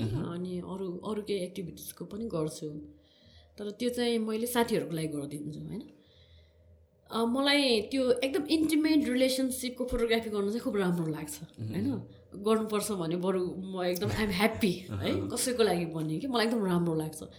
तर त्यो इन्टिमेट पर्सनल एल्बमको लागि भनौँ न गर्नको लागि त्यो व्यक्तिको क्यारेक्टर त्यो त्यो मान्छेको जुन क्यारेक्टरिस्टिक हुन्छ नि होइन त्यो चाहिँ मैले रिड गर्न सक्नुपर्ने हुन्छ होइन? ल तपाईँ यसरी उभिनुहोस् मैले तपाईँको पोर्ट्रेट यसरी खिच्ने भन्ने भन्दा पनि त्यो व्यक्ति आफैमा उसको व्यवहारहरूबाट रिफ्लेक्ट कसरी हुन्छ त त्यो रिफ्लेक्सन चाहिँ फोटोग्राफीमा हामीले उतार्न सक्नु पऱ्यो होइन? किनकि हामी त क्रिएटिभ पेन्टिङ गर्ने मान्छे होइन अनि त्यो चाहिँ धेरै समय लाग्दो रहेछ कि? अब त्यो बिहाको फोटोग्राफी गर्न जाँदाखेरि त्यो दुलहीलाई या दुल्हालाई या अब नेपालमा त अहिले सेम सेक्स म्यारिजको हिसाबले हेऱ्यो भने त्यसरी फोटोग्राफी गर्ने अवस्था नेपालीहरूकै अझ भइसकेको छैन भविष्यमा होला आशा गरौँ होइन? नभए कति फोटोहरू चाहिँ आर्टिफिसियल हुन्छ क्या होइन? त्यो बडीको जुन जेस्चर हुन्छ अब त्यो बिहा कार्यक्रममा उसले रेगुलर उसले गरिरह बाजेले भनिरह या मौलबीले भनिरह या पास्टरले भनिरह कार्यअनुसार त उसले आफ्नो काम गर्दै जान्छ। जब हामी पोज गराएर खिच्न थाल्छौँ नि अनि त्यति बेला चाहिँ अनि क्यामरासँग फ्रेन्डली हुन चाहिँ एकदमै टाइम लाग्छ कि मान्छेहरूलाई। अनि फोटोग्राफीले पनि त्यो बुझ्नु सक्नु पऱ्यो नि त त्यो क्यारेक्टरलाई। यो क्यारेक्टर चाहिँ के हो भनेर। अनि त्यसमा अलिकति अलिकति के धेरै नै त्यो आर्टिफिसियल एक्सप्रेसनहरू एकदमै धेरै आउँछ। अनि मैले त कस्तो पनि देखिरहेको छु भने अहिले मलाई त्यो एकदमै हाँसो उठ्छ। दुलहाले दुलै उभिएको हुन्छ। दुलैले चाहिँ आफ्नो खुट्टालाई दुलाको हातमा दिएर होइन? अनि हातमा पनि दिएर होइन हजुर त्यो घुँडामा राखेर अनि त्यो दुलाले चाहिँ उसलाई उसको त्यो खुट्टामा चाहिँ त्यो ऊ बानिदिएको के अरे लगाइदिएको के भन्छ? त्यो घुङ्गुर घुङ्गुरो होइन? पाउजु। होइन? अनि अरे हिन्दू धर्म संस्कारको बिहामा यो कहाँबाट आयो भन्दाखेरि त हिन्दू धर्म संस्कारको बिहामा त यो त कहीँ पनि पर्दैन होइन? अनि उसले त फोटोग्राफरले पोज गरायो यो सिन होइन? अब नेपाली समाजमा त्यसरी बिहा गर्ने महिला र पुरुष बिचको सम्बन्धमा त्यो दुलहा भन्ने केटाले पुरुषले त्यो दुलही भन्ने महिलालाई गर्ने व्यवहार चाहिँ कस्तो हुन्छ त? होइन उसले त्यसरी नै शालीनतापूर्वक होइन भान्साको बिहान बिहान भान्साको काम गर्छ कि गर्दैन? बेलुका भान्साको काम गर्छ कि गर्दैन? भाँडा माझ्छ कि माझ्दैन अनि घर गृहस्थ गृहस्थीमा परम्परागत ढङ्गले महिलाले बिहानदेखि बेलुकासम्म जुन जुन काम गरेको हुन्छ एका बिहानै उठेर के भन्छ कोठा सफा गर्ने बुइगलदेखि बाहिर ढोकासम्म। अनि त्यो घरका पुरुष सदस्यहरू सब मस्तले सुतिरहेको हुन्छ होइन? अनि उनीहरूलाई लगेर चिया खान दिनुपर्ने होइन? र घरभरिका सबैका लागि अनि खाजा खाने हो भने तयार पनि गर्नुपर्ने अनि खाना पनि तयार गर्नुपर्ने। अनि बाहिर मर्निङ वाकमा जानेहरू प्रायः जसो पुरुषहरू देखिन्छ। अनि उनीहरू बाहिर मर्निङ वाकमा जान्छन् मर्निङ वाक सकेर एउटा चोकमा बसेर चिया पनि खान्छ अनि तरकारी पनि किनेर घरमा लिएर जान्छ।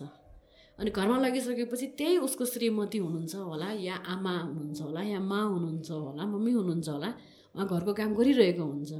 भनेपछि मर्निङ वाकमा जान छोरालाई पनि फुर्सद छ श्रीमल श्रीमानलाई पनि फुर्सद छ तर त्यो घरको अधिकांश महिलाहरूलाई त मर्निङ वाक जान फुर्सद छैन। साइकलकै पनि कुरा गरौँ न। मर्निङमा साइकल राइडमा जानेहरू धेरै पुरुषहरू हुनुहुन्छ काठमाडौँमा होइन? अनि प्रायःलाई म सोध्छु तपाईँहरू विवाहित हो? श्रीमती हुनुहुन्छ हुनुहुन्छ। उहाँहरू के गर्दै हुनुहुन्छ घरको काम गरिरहेछ। ए अनि तपाईँ मजाले साइकल चलाउनुहुन्छ घरमा पुग्नुहुन्छ अनि खाना तयार हुन्छ खाना खानुहुन्छ होइन? प्रायःले हामी त्यही गर्छौँ। अनि तपाईँहरूलाई कहिले पनि अप्ठ्यारो लाग्दैन यसो गर्दाखेरि होइन? अब त्यसको त कन्टिन्युटी भयो नि त। भनेपछि मैले बिहाको दिन दुलहीको खुट्टा होइन आफ्नो घुँडामा राखेर पाउजु चाहिँ लगाइदिने होइन? तर त्यसपछिको जुन दैनिकी जिउने हुन्छ त्यो दैनिकी जिउनेमा चाहिँ कामको बाँडफाँड गरेर होइन दैनिकी जिएको छ कि छैन त भनेर मलाई त्यो चाहिँ एकचोटि खोज्न जान्न मन छ क्या। मैले पनि त्य- त्यस्तो फोटोग्राफी गरेको छु तर मैले पोज गरेर होइन कि।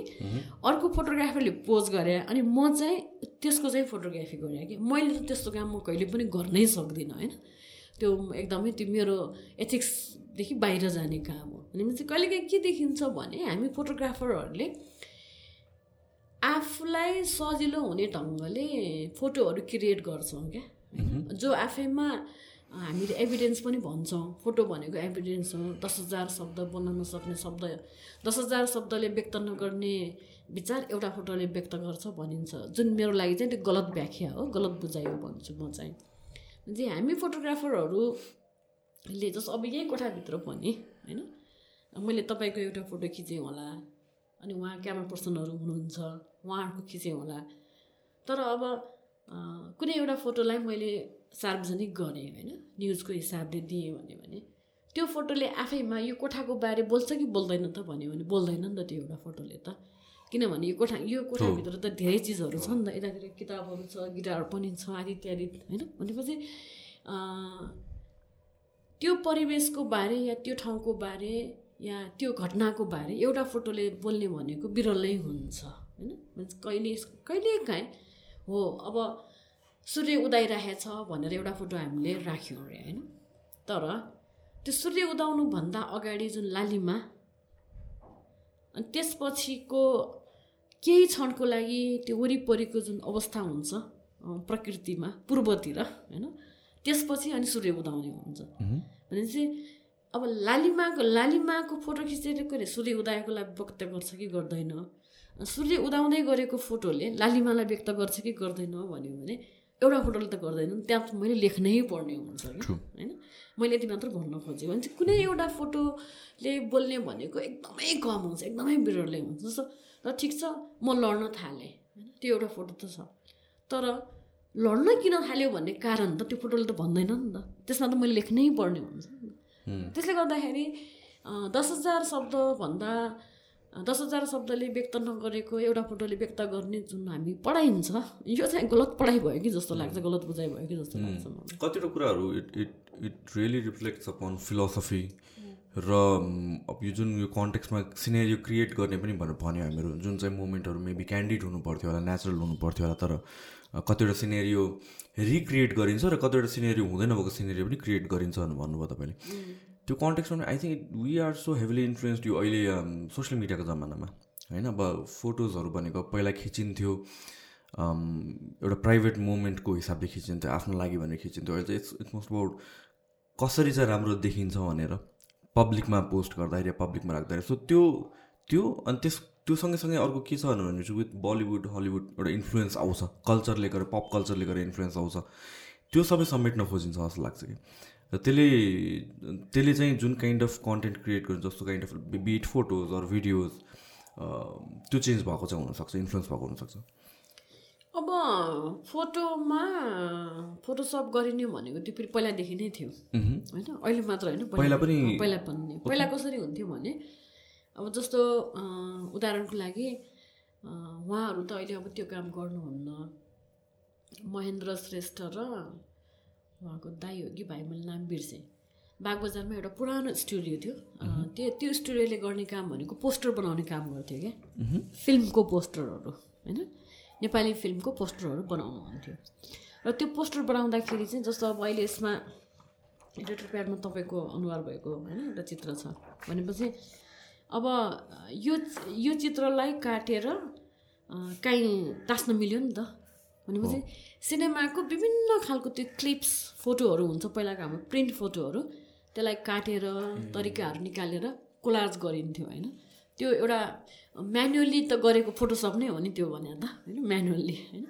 अनि अर्को भनेको के हुन्थ्यो भने अनि त्यसरी उहाँहरूले जस्तो दसवटा पन्ध्रवटा बिसवटा फोटोहरू प्रिन्ट गर्ने अनि त्यसलाई काटेर अनि कोलाज गरेर अनि एउटा पोस्टर बनाउनुहुन्थ्यो। अनि त्यसपछि त्यहाँ अक्षरले के के लेख्ने हो अनि त्यसपछि बल्ल त्यसलाई फाइनल प्रिन्ट गर्नको लागि भनेर अनि उता प्रिन्टिङ प्रेसमा पठाइन्थ्यो। अब हामीले डाकरुममा काम गर्दाखेरि अँ, डाकरुममा उम्, अब नेगेटिभ बनिसकेपछि होइन अब मैले त गरिनँ तर मैले त्यो पहिला गरेको स्टुडियोहरूको मैले नेगेटिभहरू हेरेको छु।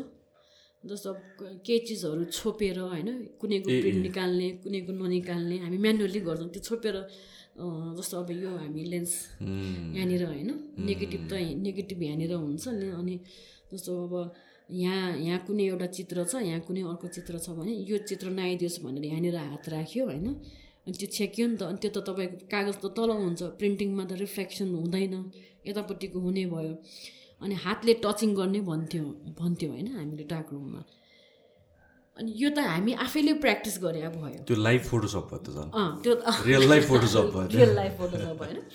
अनि तर आजभन्दा सय वर्ष अगाडि नै जस्तो फोटोग्राफी को इतिहास भन्यो भने दुई सय वर्षको छ होइन। दुई सय वर्ष अगाडि फोटोग्राफी सुरु भयो। अब जब फोटोग्राफी सुरु भयो त्यसको केही सय केही केही वर्षपछि यो राजनैतिक घटनाक्रमसँग जोडिएको केही फोटोहरू जुन खासमा खिचिएको फोटो छ त्यो फोटोमा भएको व्यक्तिहरूमध्ये तिन चारवटा भएको व्यक्तिहरूमध्ये एउटा व्यक्तिलाई हताएर होइन? अनि जुन व्यक्ति हताइयो त्यसपछि जुन फोटो मार्केटमा आयो प्रिन्टिङ भएर आयो अनि ओरिजिनल फोटो त्यो भनेर बुझेको छ कि खास गरी होइन? इतिहास त्यसरी पनि बनाएको छ। त्यो नेपाल बाहिरको घटना भयो। अब नेपालकै घटना हेर्नुभयो भने चाहिँ अहिले तुरुन्त एउटा उदाहरण दिँदाखेरि मदन भण्डारी जीवराज आश्रित र पासाङ लामु शेर्पा।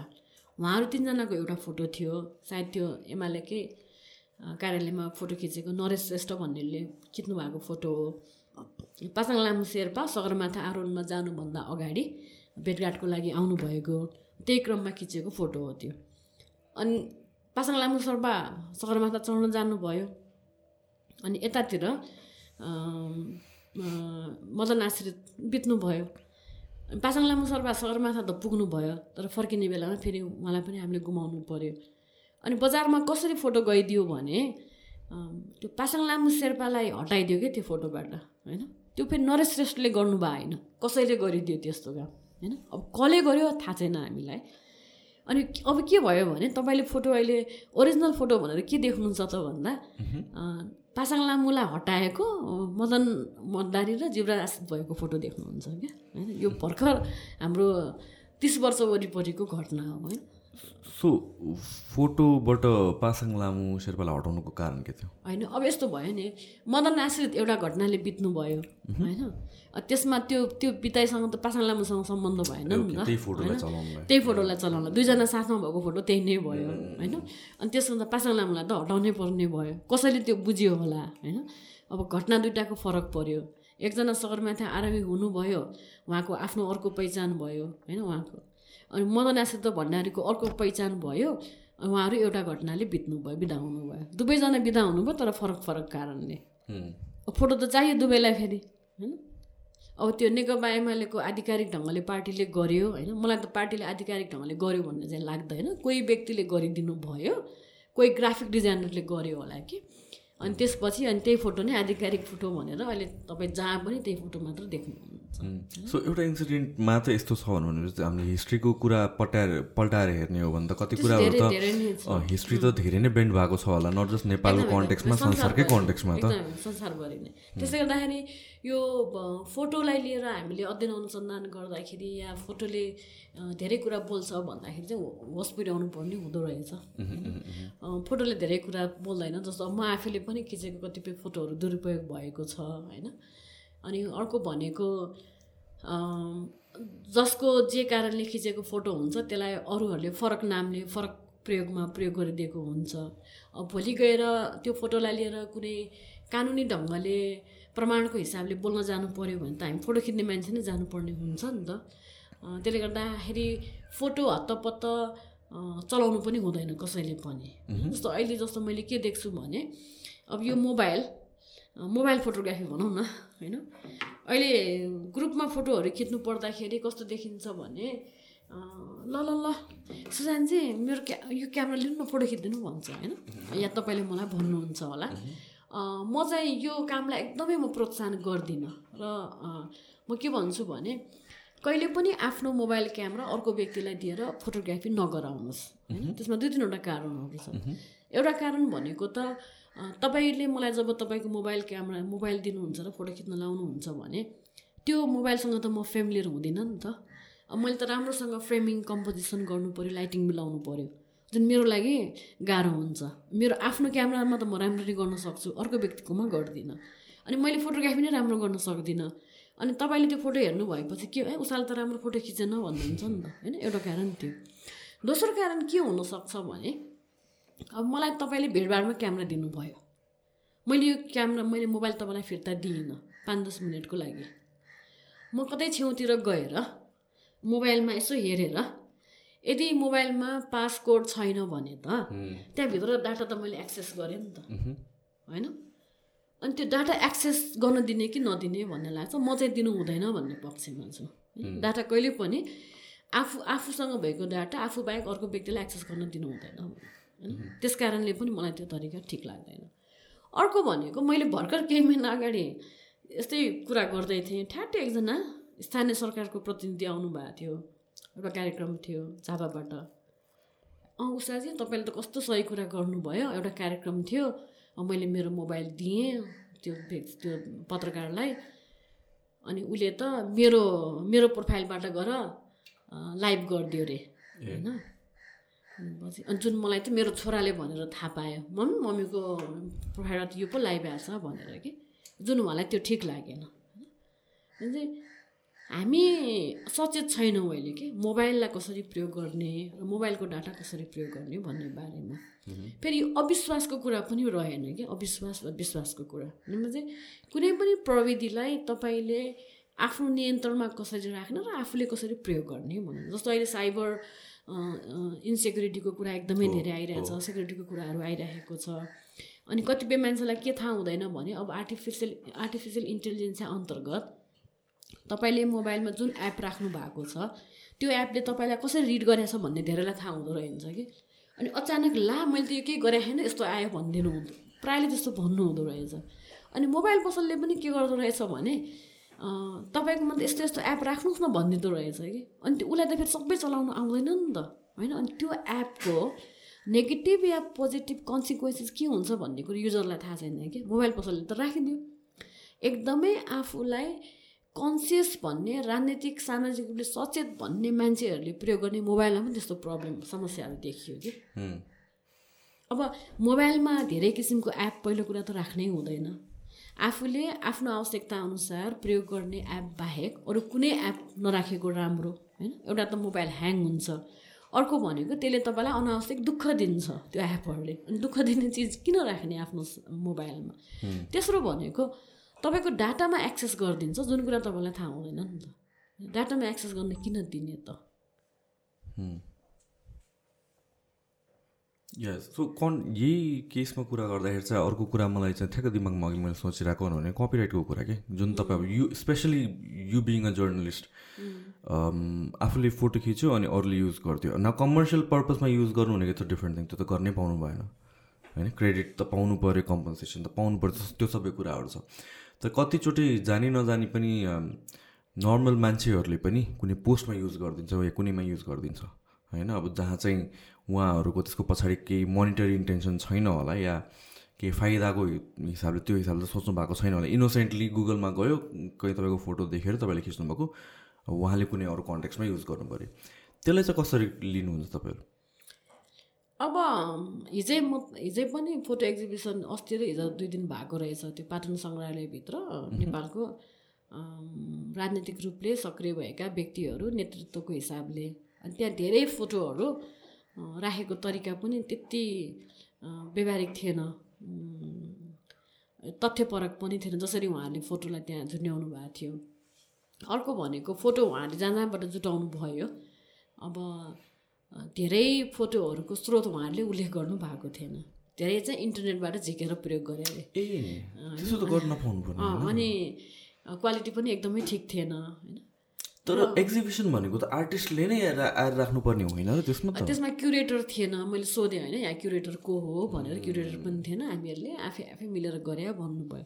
चाहिँ उहाँलाई धेरै कुरो खास थाहा रहेनछ। फेरि पाटन सङ्ग्रहालयभित्रको एउटा साइडको ग्यालरीमा एक्जिबिसनमा राख्नु भएको छ हिजो र अस्ति थियो सकिसक्यो। अब कपिराइटको इस्युमा कानुन त भनियो भने त्यो व्यक्ति जीवित हुँदासम्म उसकै कपिराइट हुन्छ। त्यसपछि पचास वर्ष पनि उसैको कपिराइट हुन्छ। त्यसपछि त्यो बाई डिफल्ट नै हो त्यसको लागि स्पेसल के गर्नु पर्दैन। होइन होइन त्यो तपाईँले गर्नुपर्छ होइन? जस्तो नेपालमा प्रतिलिपि अधिकारको कार्यालय छ होइन? त्यहाँ गएर तपाईँले आफ्नो सबै क्रिएसनहरूको प्रतिलिपि अधिकार लिनुपर्ने हुन्छ। जस्तो अब यही पोडकास्ट पनि होइन? अब कपिराइटभित्र छ कि छैन होइन? छैन भने लिइहाल्नु होला होइन? कमर्सियली भाइबल मात्र होइन कि कमर्सियली यसलाई चलाउनु खोजिरहेको हो नि। मेरो विचारमा यसलाई कमर्सियली पनि चलाउनु खोजिरहनु भएको छ। अर्को भनेको अब हामी फोटोग्राफरहरू आर्टिस्टहरू या कुनै लेखकहरू होइन? उहाँहरूले आफ्नो सम्पूर्ण सृजनाहरूलाई प्रतिलिपि अधिकार अन्तर्गत राख्नुपर्ने हुन्छ। तर अब प्रत्येक फोटोको गर्नुपर्ने हुन्छ क्या। प्रत्येक फोटोको भनेपछि यो कार्यक्रम पनि प्रत्येक एपिसोडको गर्नुपर्ने हुन्छ रेजिस्ट्रेसन गर्नु पऱ्यो त्यहाँ फर्म छ त्यो फर्म फिलअप गर्नु पऱ्यो त्यसको नियम कानुन छ गर्ने कि नगर्ने भन्ने हुन्छ। यो भनेको कानुनी प्रक्रिया भयो।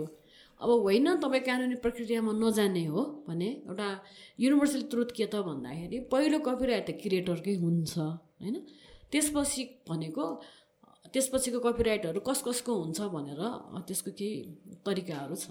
जस्तो मानिलिउँ मैले फोटोग्राफी स्वतन्त्रपूर्वक गरिराखेको छु र सम्पूर्ण खर्च मैले नै बेहोरिरहेको छु भने त्यो सोह्र डलर कपिराइट मेरो नै भयो होइन?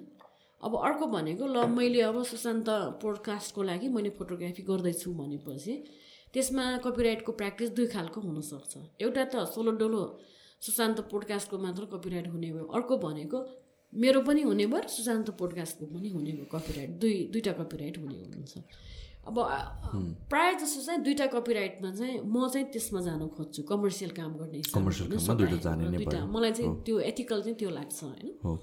अब हामी सबै व्यापारी व्यापारहरू चाहिँ एथिकल हुन्छ त भन्न सकिँदैन। होइन त्यो आफ्नो व्यक्तिमा भर पर्छ। उसको जीवन जिउने दर्शन के छ भनेर। त मलाई चाहिँ अब बिजनेस पनि एथिकल किन नहुने होइन? अनेस्टी किन नहुने भन्ने लाग्छ होइन? अनि प्रफिटको सेयरिङ पनि। हुन त म फेरि यो खालको कामहरू खासै गर्दिनँ मसँग धेरै अनुभव पनि छैन। तर प्र्याक्टिस के गर्ने भन्ने पाटोमा जाने हो भने सकेसम्म कलेक्टिभ सेयरिङ होस् होइन? कलेक्टिभ इनिसिएसन होस्। त्यसको रिस्क पनि कलेक्टिभ हुने भयो बेनिफिट पनि कलेक्टिभ हुने भयो। अन्तिममा त हामी यो धरतीबाट बिदा हुँदाखेरि त कसैले पनि त लान त केही पनि लाँदैन। आखिरमा सबै छोडेर जाने हो। भनेपछि तपाईँले छोड्ने कहाँ कसका लागि छोड्ने होइन? त्यहाँसम्मको बाटो बाटो सोच्ने हो भने मोह त केही राख्नै जरुरी छैन जस्तो पनि लाग्छ क्या मलाई चाहिँ। अनि कपिराइट पनि त्यसरी नै म मलाई म बुझ्छु क्या म आफू चाहिँ। यदि कमर्सियल काम हो भने कपिराइटमा तपाईँ अनेस्ट हुनु पऱ्यो म अनेस्ट हुनु पऱ्यो नन कमर्सियल काम हो भने पनि त्यसमा अनेस्ट हुनु पऱ्यो त्यसमा चाहिँ स्पष्ट र क्ल्यारिटी चाहिँ हुनु पऱ्यो र कहिले पनि क्रिएटरलाई तपाईँले अन्याय गर्न चाहिँ पाइएन। क्रेडिट भयो पनि दिनु पऱ्यो नन कमर्सियल पऱ्यो अब सकेसम्म मिल्छ भने अब जति हुन्छ पे पनि गरेको राम्रो। किनभने खर्च त लाग्छ त। फोटोग्राफी गर्न त झनै खर्च लाग्छ। किनभने तपाईँ त्यो ठाउँमै पुग्नुपर्छ क्या। होइन? अब यो अहिले अडियो रेकर्डिङ त तपाईँले फोनमा पनि गर्नु मिल्यो नि त। तर त्यो व्यक्तिसँगको जीवनशैली तपाईँले फोटोग्राफी गर्नलाई त फोनबाट त गर्नु मिलेन तपाईँले त्यही नै पुग्नु पऱ्यो त्यो भनेको एक दिनको दुरी पनि हुनसक्ला दस दिनको दुरी पनि हुनसक्ला तपाईँको जुन यो साइकल यात्रा थियो एउटा जर्नी भयो नि त त्यस त्यतिखेर डिफ्रेन्ट पार्ट्सहरूबाट ट्राभल गर्नुभयो डिफ्रेन्ट कल्चरहरू देख्नुभयो होला डिफ्रेन्ट ट्रेडिसन्सहरू देखेर डिफ्रेन्ट टाइप अफ पिपलहरू भेट्नुभयो डिफ्रेन्ट सोसाइटिजहरू देखियो होला।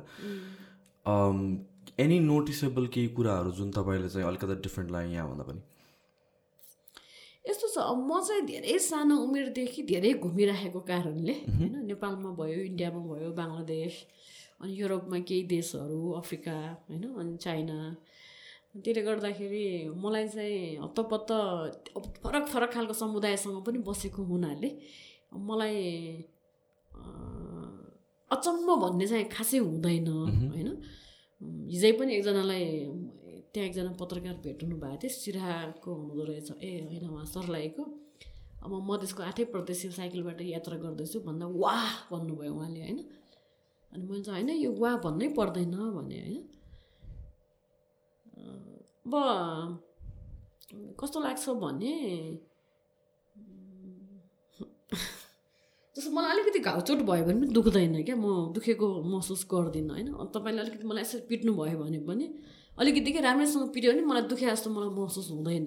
अलिक मलाई दुखाएको महसुस हुँदैन मजाले पिटाइखानुपर्छ भने जस्तै त्यो अब फरक फरक संस्कार समुदायहरूसँगको बसुट धेरै पहिलादेखि भइरहेको हुनाले अब यो चाहिँ भन्ने अवस्था चाहिँ मलाई लाग लाग्दैन संस्कारको हिसाबले। तर अब मैले पछि एउटा कुरा के थाहा पाएँ भने जोसँग म केही व्यक्तिहरू परिवारसँग म जोडिएको छु साइकल यात्रामा यात्राको यात्राले गर्दाखेरि। त्यसमा एकजना महिला जो साइकल चलाउँदै हुनुहुन्थ्यो उहाँ सुधारिएको चुलोको लागि तालिम दिने अनि पुल क्रस गरेर उहाँ जानुभयो। अनि गएर यसो मरिने बेलामा उहाँ लड्नुभयो। अनि त्यो पुलमा म पछि गएँ। त्यो उहाँ साँच्चीकै कसरी लडेछ भनेर थाहा पाउँला होइन त्यो व्यक्ति। त्यो अप्ठ्यारो नै पुल रहेछ खास गरी। लड्नुभयो अनि मेरुदण्ड पक्षघात स्पाइनल इन्जोर भएको व्यक्ति हुनुभयो अनि विल चेयर प्रयोगकर्ता हुनुभयो। उहाँलाई मैले कञ्चनपुरमा भेटेँ र भेटिसकेपछि उहाँको अवस्था यस्तो नाजुक थियो कि उहाँलाई चारवटा ठुलो ठुलो घाउ भएको थियो जसलाई बेडसोर भनिन्छ। अनि मैले तुरुन्त जो व्यक्तिले मलाई लिएर जानुभएको थियो अनि उहाँलाई भने कि उहाँलाई आज मिल्छ भने आज भोलि मिल्छ भने भोलि काठमाडौँ लिएर जानु पऱ्यो उपचारको लागि भन्ने कुरा भयो। किन र किन भन्ने किन र किन अरू कुरा मलाई के गर्नु छैन? अहिले उसको घाउ ठिक हुनु पऱ्यो भन्ने कुरा आयो। त्यसो भइसकेपछि उसलाई काठमाडौँ लिएर आउन करिब एक घन्टा एक महिना जति मैले तयारी गर्नु पऱ्यो अनि अब खर्च पर्च जुटाउनु पऱ्यो नि त होइन? अनि अब कति मान्छेलाई गयो भेट्यो अँ हो उहाँको अवस्था गम्भीर छ के गर्ने भन्नुभयो। तर आर्थिक सहयोग गर्न हत्तपत्त मान्छेहरू रुचि देखाएन। अनि म अलिकति कडा भएर पनि बोल्नु पऱ्यो एक दुईवटा ठाउँमा। अनि अन्तिममा एक ढङ्गले सहयोगहरू जुटाइयो अनि सहजीकरण गरियो। र जुन खालको हामी एम्बुलेन्समा बसेर आयौँ कञ्चनपुरबाट काठमाडौँ आएको एम्बुलेन्स भनेपछि त्यो करिब करिब छ सय किलोमिटर जति होला दुरी होइन त? अनि त्यो एम्बुलेन्समा बस्दाखेरि त्यो व्यक्तिलाई अब स्पाइनल इन्जुरी भएको कारण त शरीर त चल्दैन नि त यहाँदेखि तल चल्दैन किनभने उसको थोराटिक लम्बरमा इन्जुरी हो। अनि त्यो त्यो बेडमा एउटा बेल्ट पनि छैन कि बिरामीलाई बाँध्नलाई भनेर। अनि म म प्रायः झोलामा डोरी राख्ने बानी छ कि मेरो। डोरी पनि राख्ने बानी छ अरू चिजहरू लगायत। अनि मसँग भएको डोरी निकालेर उसको मैले खुट्टामा बाँधेँ कि। मलाई कस्तो नमजा लाग्यो कि। जिउँदो मान्छेलाई त्यसरी मैले डोरी बाँधेर काठमाडौँ ला ला म र अर्को एकजना साथी पनि हुनुहुन्थ्यो उहाँको छोरी पनि थियो। काठमाडौँमा पुर्याइयो उपचार भयो होइन? अनि उनी यहाँ अर्को ठाउँमा पनि लानु पऱ्यो साङ्गो पनि लानु पऱ्यो काठमाडौँमा भन्नाले पनि त्यहाँ सागामा स्पाइनल इन्जुरी रिहेबिलिटेसन सेन्टरमा त्यसपछि सागामा त्यो बर्न भएको व्यक्तिहरूको उपचार गर्छ। अनि उसको बेड चोट चाहिँ प्लास्टिक सर्जरी गर्नुपर्ने उपचारको लागि भनेर। अनि उपचार गरेर फर्किने बेलामा बसको क्याबिनमा त्यो पुरै सिटमा सुताएर फर्काउनु पर्यो फर्केको थियो। अनि बाटोमै मैले भेटेँ अनि मसँग त्यहाँ उसकै लागि जम्मा भएको पैसा उसलाई फिर्ता दिएर अनि केही फलफुल दिएर हिँडियो। अहिले उसको छोरीको बिहा। अनि मलाई फोन गरेर तिमी साथी तिमी जसरी भए पनि आउनुपर्छ भनेको थिइन्। अँ म आउँछु भने। अनि बिहाको प्रक्रियाहरू कसरी हुन्छ त भन्दा यसो यसो हुन्छ भन्ने भयो। के थाहा पाएँ भने उनको श्रीमान बितिसकेको। छोरीको बिहा गर्दाखेरि चाहिँ त्यो विधवा भएको श्रीमती भएको कारणले चाहिँ त्यो कार्यमा चाहिँ बस्नु हुँदैन अरे भन्ने अभ्यास रहेछ थारू समुदाय हो अनि मलाई त साह्रै नमजा लाग्यो ल। अनि यस्तो पनि छ भनेको छ उषा साथी भनिन् तिनले होइन? यो त तर एकदमै गलत कुरा हो त अनिखेरि। अब के गर्ने? जेठानीहरूले सबैले त्यस्तै भन्नुभएको छ भन्ने भयो। ए अनि यो मैले थाहा पाएँ। मैले अरू यो त्यो समुदायबाट वकालत गर्ने मान्छेहरूलाई साथीहरूलाई मैले अझ भन्नु पाएको छैन यो कुरा। आजै हो मैले यो अब सार्वजनिक ढङ्गले अब तपाईँसँग भनेको कुरा होइन? एउटा यो मैले थाहा पाएँ। अब अर्को भनेको यो धार्मिक रूपले पनि महाकालीदेखि मेची हेर्दाखेरि मैले के पाएँ भने एकदमै चासो पनि कि? यो व्यक्तिको जात के हो धर्म के हो छोराछोरी छ कि छैन बिहा गरेको छ कि छैन घर कहाँ हो भन्ने यो एकदमै मान्छेहरूको दिमागमा घर गरेर बसेको छ। सबै जिल्लाहरूमा महाकालीदेखि मेची पुग्दाखेरि सबै ठाउँमा यो मैले पाएँ। इन्क्लुडिङ यहाँ बागमतीमा पनि? अँ अनि एकदमै मैले त हरेक दिन भोग्नुपर्ने हुन्छ यही काठमाडौँमै पनि। जब मैले मेरो पुरा नाम उषा तितिच्छु भन्छु अनि त्यसपछि अनि तितिच्छु भनेर अनि पहिला त उच्चारण गर्न गाह्रो हुन्छ। अनि उच्चारण गर्दै गइसकेपछि यो अनि मैले थाहा पाइसक्छु कसैले सोझै सोध्छन् यो कुन थार पऱ्यो कुन जात पऱ्यो भनेर। अनि कसै कसैले अन्कनाएर सोध्नुहुन्छ। त्यसो हुँदाखेरि मलाई महाकाली मेची साइक्लिङ गर्दाखेरि नै कुरा गर्दा गर्दै मेरो दिमागमा फ्याट्ट आए जस्तो लाग्छ। के त भन्दा तपाईँ सार्की हो भने म पनि सार्की। तपाईँ कामी हो भने म पनि कामी तपाईँ छेत्री हो भने म पनि छेत्री स्वाभाविक ढङ्गले आयो मलाई यो होइन? मेरो जात र धर्म मान्छेहरूले सोद्धाखेरि। अनि कतिपय मान्छेहरू त रिसाउनु भयो। भन्न त उहाँहरूले मलाई केही भन्नु भएन तर उहाँहरूको अनुहारबाट त्यो अभिव्यक्त हुन्थ्यो। जस्तो सत्तरी पचहत्तर वर्ष उमेर पुगेको उमेर भएका व्यक्तिहरू पुगेको त नभनौँ। पाको उमेरका अब बुवा हजुरबुवा उमेरका मान्छेहरू एकदमै अनुहार रातो बनाएको कि त्यो रिसले गर्दाखेरि। अब मलाई त भन्न त केही भएन होइन? उहाँहरू बाहुनहरू हुनुहुन्थ्यो। अब म बाहुनलाई यो केटीले सार्की बनाइदियो कामी बनाइदियो भनेर उहाँहरूलाई एकदमै रिस उठ्यो होला नि त होइन? सायद उहाँहरू जातको नाममा धर्मको नाममा छुवाछुत पनि गरिरहनु भएको छ होला अहिलेसम्म पनि होइन? र एकदमै नडाटिकन भन्ने हो भने हामी अब भनौँ न नेपालको कानुनले अहिले जात र धर्मको नाममा भेदभाव गर्न पाइँदैन। तर एकदमै धेरै भेदभाव छ। एकदमै धेरै। एकदमै छ होइन? र अहिले काठमाडौँमा भनौँ न मैले पोहोर साल म आफैलाई कोठा चाहिएको हिसाबले केही ठाउँहरूमा बुझ्न गएँ। जाँदाखेरि सरकारी विद्यालयमा पढाउने शिक्षकले पनि फरक ढङ्गले मेरो जात सोध्नुभयो होइन? अनि अरूहरूले पनि जात के हो भनेर सोध्नुभयो। र प्रायः जसोलाई मैले दिने जवाफ यो नै हुन्छ। त्यसले गर्दाखेरि कस्तो लाग्छ भने एकातिर हामी एकदमै धेरै आधुनिक भयो भन्ने भ्रम छ नि होइन?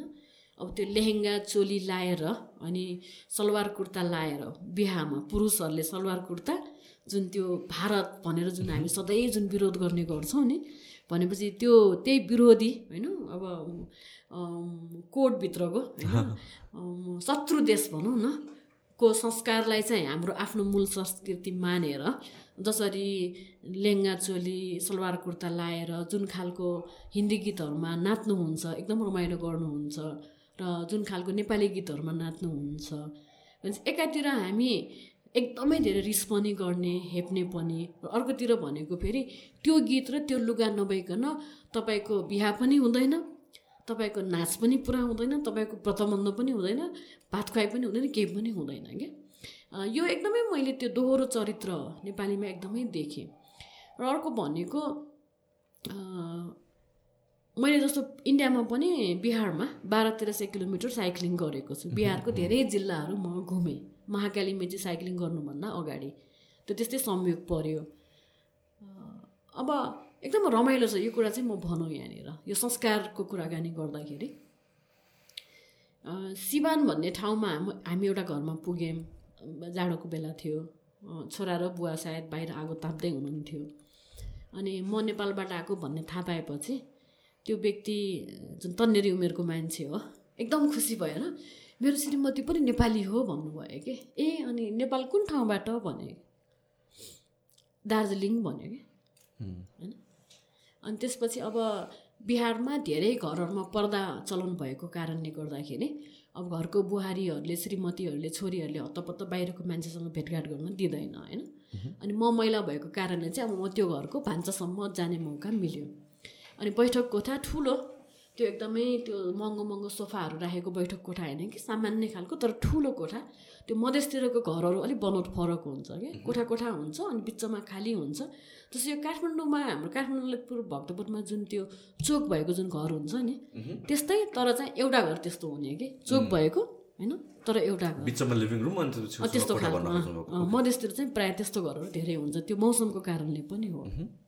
अनि अनि त्यो महिलालाई भेट्यो कुराकानी भयो अनि उहाँले चाहिँ अनि अब जमिनदार घरको बुहारी होइन? अनि म त बाहिर कहीँ जानु पनि जाँदिनँ कुराकानी पनि हुँदैन मेरो साथीहरू पनि छैन। मेरो साथी भनेकै यो टेलिभिजन हो। टेलिभिजनसँग त म कुराकानी गर्नै मिल्दैन भन्यो। कि हाम्रो जिन्दगी बिजोग छ भने अनि भयो के त भन्दाखेरि यो चाहिँ महाकाली मेची साइक्लिङ गर्नुभन्दा अगाडिको एउटा क्षण जति बेला चाहिँ हाम्रो मधेस आन्दोलन भइरहेको थियो र हामीहरूले चाहिँ भारतले नाकाबन्दी लगायो भनेर नाकाबन्दीको विरोधमा बोली पनि राखेको थियो। अब यो भारतले नाकाबन्दी लगाएको भन्ने पनि दुई खालको बुझाइ छ कि। एक थरीहरू जो मधेस आन्दोलनको विपक्षमा हुनुहुन्छ उहाँहरूले भारतले नाकाबन्दी लायो भनेर पनि बुझिदिने गरेका छ होइन? अर्को थरीहरूलाई कस्तो छ भने आन्दोलनको पक्षधरहरूले चाहिँ कुनै न कुनै बेला त हामीले त अडान पनि लिनु पऱ्यो नि त साथ दिनु पऱ्यो नि आन्दोलनमा। भन्ने पनि कुरो छ होइन? त्यसले गर्दाखेरि हामीलाई आन्दोलनमा साथ दियो होइन? भारतको जनताहरूले भन्ने पनि बुझाइ अब त्यो कुन चाहिँ बुझाइलाई हामीले ग्रहण गर्ने भन्ने रह्यो अनि महाकाली मेची साइक्लिङ गर्ने क्रममा म झापा पुग्दै थिएँ। त्यही क्रममा एउटा गोर्खाल्यान्डको आन्दोलन पनि फेरि फेरि चर्किराखेको थियो। र के के न्युजहरू आयो मान्छेहरूले भनेको के सुन्यो भने हाम्रो नेपालीहरूले उता लडिरहेको छ साथ दिनुपर्छ भन्ने कुरो आयो कि। अनि अनि मलाई मैले के सम्झेँ भने केही समय अगाडि केही महिना अगाडि बिहारमा एउटा मान्छेले बिहारीले मेरो श्रीमती त नेपाली हो भन्यो दार्जिलिङकोलाई नेपाली भनेर मलाई परिचय गराइदियो। अनि हामी काठमाडौँमा बस्ने पहाडिया मान्छेहरूको गलत बुझाइ के छ त भन्दाखेरि वीरगञ्ज रौतड जनकपुरतिरका मान्छेलाई पनि हामी मधेसी भनेर भेदभावपूर्ण व्यवहार गर्ने होइन? ए बिहारी हुन् भनिदिने।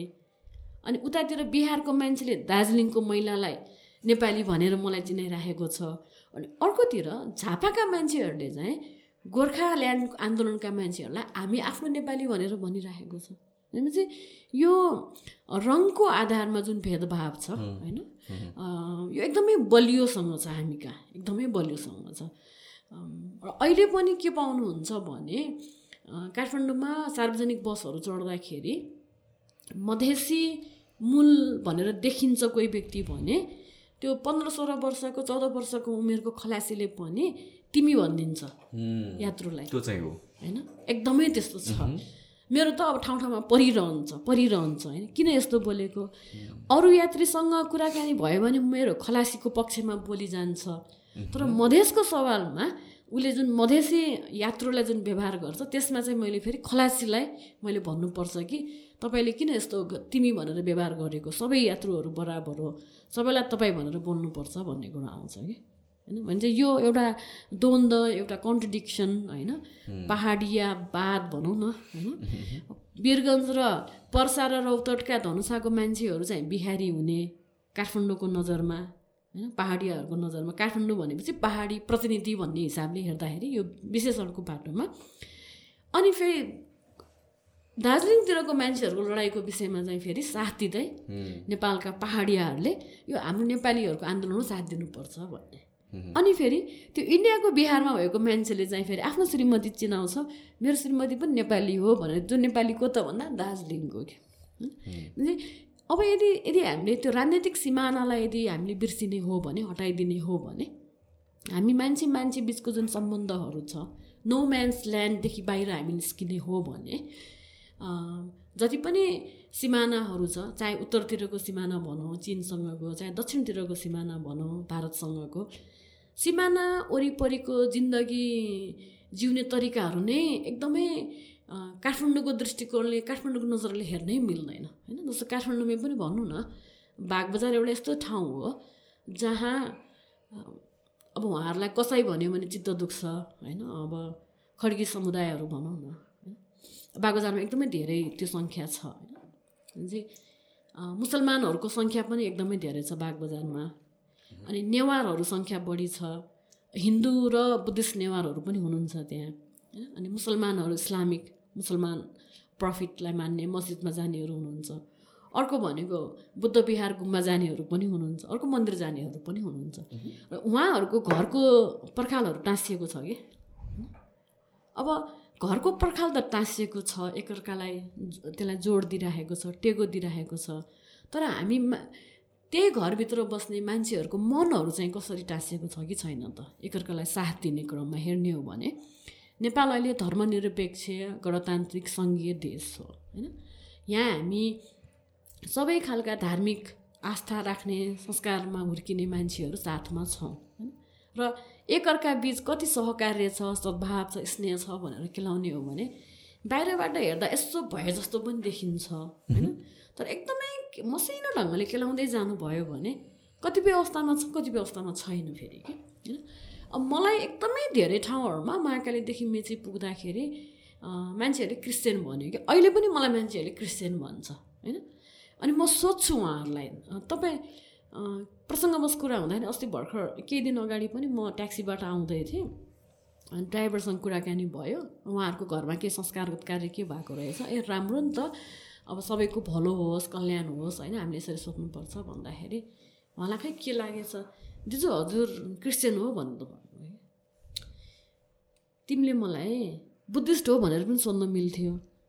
तिमी मुसलमान हो भनेर पनि सोध्न मिल्थ्यो। त तिमीले क्रिस्चियन हो भनेर जुन सोध्यो किन सोध्यो? के कुराले काम गर्यो त भन्दाखेरि? अब नेपालमा अब अब तपाईँ हजुर यसो हेऱ्यो भने मुसलमान त पक्का पनि होइन। बुद्धिस्ट चाहिँ हुनसक्छ कि भनेर अनुमान गर्न मिल्छ। तर हाम्रो दिमागमा चाहिँ स्वत आउँदो रहेछ कि हिन्दू कि क्रिस्चियन भनेर आउँदो रहेछ भने। अनि यो बुझाइ फेरि आम रूपले महाकालदेखि मेचीसम्म पाउनु के कारणले होला क्रिस्चियन भनेर? अब कारण के त भन्दाखेरि अब मैला भएर पनि रातो चिज केही छैन होइन? अनि छोटो छोटो कपाल छ। छोटो कपाल हेर्दा होइन हेर्दा विदेशी जस्तो पनि छ होइन? अनि त्यसपछि काहीँ काहीँ त के भयो भने अझ चक्लेट बाँड्नेको हिसाबले पनि अर्थ लगायो। अनि तपाईँ चक्लेट बाँड्नुभयो भनेर। अनि प्रायः चाहिँ अब त्यही त मुसलमान किन मान्दैन भन्ने कुरा नि? अनि त्यो मनोरीको खोला क्रस भइसकेपछि होला उकालोमा हेटौँडा पुग्नुभन्दा अगाडि म एक रात कहाँ बसेको थिएँ? यहाँ भोलिपल्ट हो। एकजना व्यक्तिले त्यसै राखराख्ती गरेर। तपाईँ मुसलमान त हुनै सक्दैन अनि बुद्धिस्ट पनि हुन सक्दैन। कि तपाईँ क्रिस्चियन हो? क्रिस्चियन नै हो? तपाईँ धर्म प्रचार गर्न हिँडेको पनि भनिदिइहाल्यो होइन? कुनै कुनै ठाउँमा एकदमै तनाव पनि भयो मलाई। तर कहीँ कहीँ चाहिँ कस्तो राम्रो पनि भयो जस्तो म मन्दिरमा गएँ अनि बिहार गुम्बामा गएँ होइन उहाँहरूसँग भेट्यो कुराकानी गऱ्यो चियाचिया पनि खाएँ होइन उहाँहरूको पनि कुराकानी सुनियो। र मैले उहाँहरूलाई भने भने जस्तो प्रायः त हामी मन मन्दिरमा गइसकेपछि भित्र गएर होइन भगवान्लाई ढोग्ने होला भनेर प्रायःले बुझिराखेको हुन्छ नि त। त्यहाँभित्र जानुहोस् भन्ने हुन्छ। अनि म चाहिँ फेरि सानोदेखि नै कहिले पनि मैले त्यसो गरिनँ होइन? र मलाई त्यो कहिले पनि त्यो गरौँ गरौँ जस्तो पनि लाग्दैन कि म? कहीँ कहीँ गए पनि। तर म जान चाहिँ जान्छु जस्तो मलाई भजनमा बस्छु मलाई एकदम मनपर्छ। अब यो मुसलमानहरू मुसलमानमा पनि इस्लामिक समुदायमा पनि एक ढङ्गले यो गर्ने प्रार्थना गर्ने तरिकाहरू छ कि? जस्तो मैले त्यो एकदमै गजबसँग मैले कश्मीरमा भेटेँ कि कश्मीरमा त्यहाँको मस्जिदमा जाँदाखेरि होइन? अनि कतिपय मान्छे त कस्तो पनि भेटिन्छ भने यति लिप्त भएको हुन्छ पुरा रोइरहेको हुन्छ कि? एकदमै भाव विबलित भएर होइन? त्यो तपाईँले जुनमा पनि भेट्नुहुन्छ क्या? एकदमै मनदेखि जब ऊ चिन्तन मनन गरिराखेको हुन्छ एकदम खुला भइरहेको हुन्छ उसलाई थाहा नै हुँदैन कि ऊ मन्दिरमा छ कि मस्जिदमा छ कि चर्चमा छ कि गुम्बामा छ कि भनेर। त्यसरी ऊ भाव विबल एकदम आफू आफूलाई पुरै बिर्सिएको पनि हुने अवस्था रहेछ कि। एकदम आफ्नो ढङ्गले ऊ ऊ- बाहिर निस्किसकेको अवस्था पनि हुन्छ होला। त्यो एक क्षणमा। जिन्दगीबाट नै जिन्दगीको मोहबाट नै बाहिर निस्क्यो कि निस्किएन त्यो चाहिँ अर्को फेरि गाह्रो काम भयो होइन। नभए पनि तत्कालको लागि वर्तमान अवस्थामा ऊ जहाँ ध्यानमा बसिरहेको छ या चिन्तन गरिरहेको छ मनन गरिरहेको छ या भजन गरिरहेको छ भने लिप्त हुन्छ त्यहाँनिर त्यो व्यक्ति लिप्त हुन्छ। उसलाई उसलाई संसारसँग धर्मको नाममा गरिने राजनीतिसँग केही पनि मतलब हुँदैन। ऊ मात्र एउटा यस्तो ठाउँमा आएको छ जहाँ पुण्य काम हुन्छ र त्यो पुण्यको यात्रामा ऊ पनि सँगसँगै छ भन्ने कि? अनि त्यो महसुस गर्न चाहिँ हामीले सक्नु पऱ्यो क्या। चाहे म हिन्दू हौँ चाहे मुसलमान हौँ चाहे क्रिस्चियन हौँ चाहे बुद्धिस्ट हौँ होइन? अब म आफू नास्तिक हो होइन? तर मलाई केही पनि समस्या छैन कि म मस्जिद पनि जाँदाखेरि त्यहाँ म बस्नु पऱ्यो भने होइन? अब मलाई अप्ठ्यारो लाग्दैन होइन? चर्च जानु पऱ्यो भने मलाई अप्ठ्यारो लाग्दैन मठ मन्दिर जानु पऱ्यो भने पनि अप्ठ्यारो मेरो लागि सहज नै छ। तर तर कतिपय कुराहरू जुन छ जुन गर्दिनँ म होइन, त्यो म स्वीकार नै सक्दिनँ होइन? जहाँ नै गयो पनि। अनि त्यहाँको म पण्डितलाई मौलवीलाई भन्तेहरूलाई म भन्छु। जस्तो कि यो कुरा म विश्वास गर्छु यो कुरा म विश्वास गर्दिनँ भनेर। जस्तो अब प्रायः उहाँहरूले के ठान्नुहुन्छ होला भने यहाँ आइसकेपछि भगवान्लाई भगवान्लाई पुज्न आयो भन्ने हुन्छ नि त। म त्यो भन्छु म मलाई भगवान् छ भन्नेमा विश्वास छैन होइन? म यहाँ आएँ म कुरा सुन्छु मनन गर्छु आफूलाई आफूलाई ठिक लागेको कुरा तर ठिक नलागेको कुरा म भन्छु भनेर होइन? जस्तो म अहिले बुद्ध दर्शन सम्बन्धी अहिले म पढ्दैछु होइन? हाम्रो छोग्याल रिम्पो चाहिँ हाम्रो शिक्षक हुनुहुन्छ गुरु। अनि हामी अहिले करिब पचासजना जति विद्यार्थी छौँ यो रेपा रेपा नेपाल भनेर क्लास चलिरहेछ। हामी चाहिँ दोस्रो जेनेरेसन सेकेन्ड ब्याचको विद्यार्थीहरू हो। अब अब फेरि अप्रिलमा हाम्रो रिट्रिट पनि सुरु हुँदैछ। बुद्धिज्मको बारेमा। हजुर बुद्धिज्मको बारेमा होइन? अब अनि मलाई कोही कोहीले जिस्काइ पनि सक्यो कि? अब अन्तिममा यही बाटो मात्र जाने होला नि भनेर कि? अनि मलाई चाहिँ अलिक धेरै पहिलादेखि नै अब तिमी त अब गुरुमा मात्र हुन बाँकी छ पनि भन्ने गर्छन् पहिलादेखि नै होइन? अनि अब अब चिबर चाहिँ कहिले लाउने हो भनेर जिस्काउनु पनि हुन्छ। अनि भनेको अब तिमी त्यही बाटोमा हिँडिरहेछौ भनेर होइन? अनि अनि मैले भन्छु मलाई चाहिँ कहिले पनि लाग्दैन कि म त्यो चिबर नै ग्रहण गरेर अनि म बुद्ध विहारमा गएर बसौँला।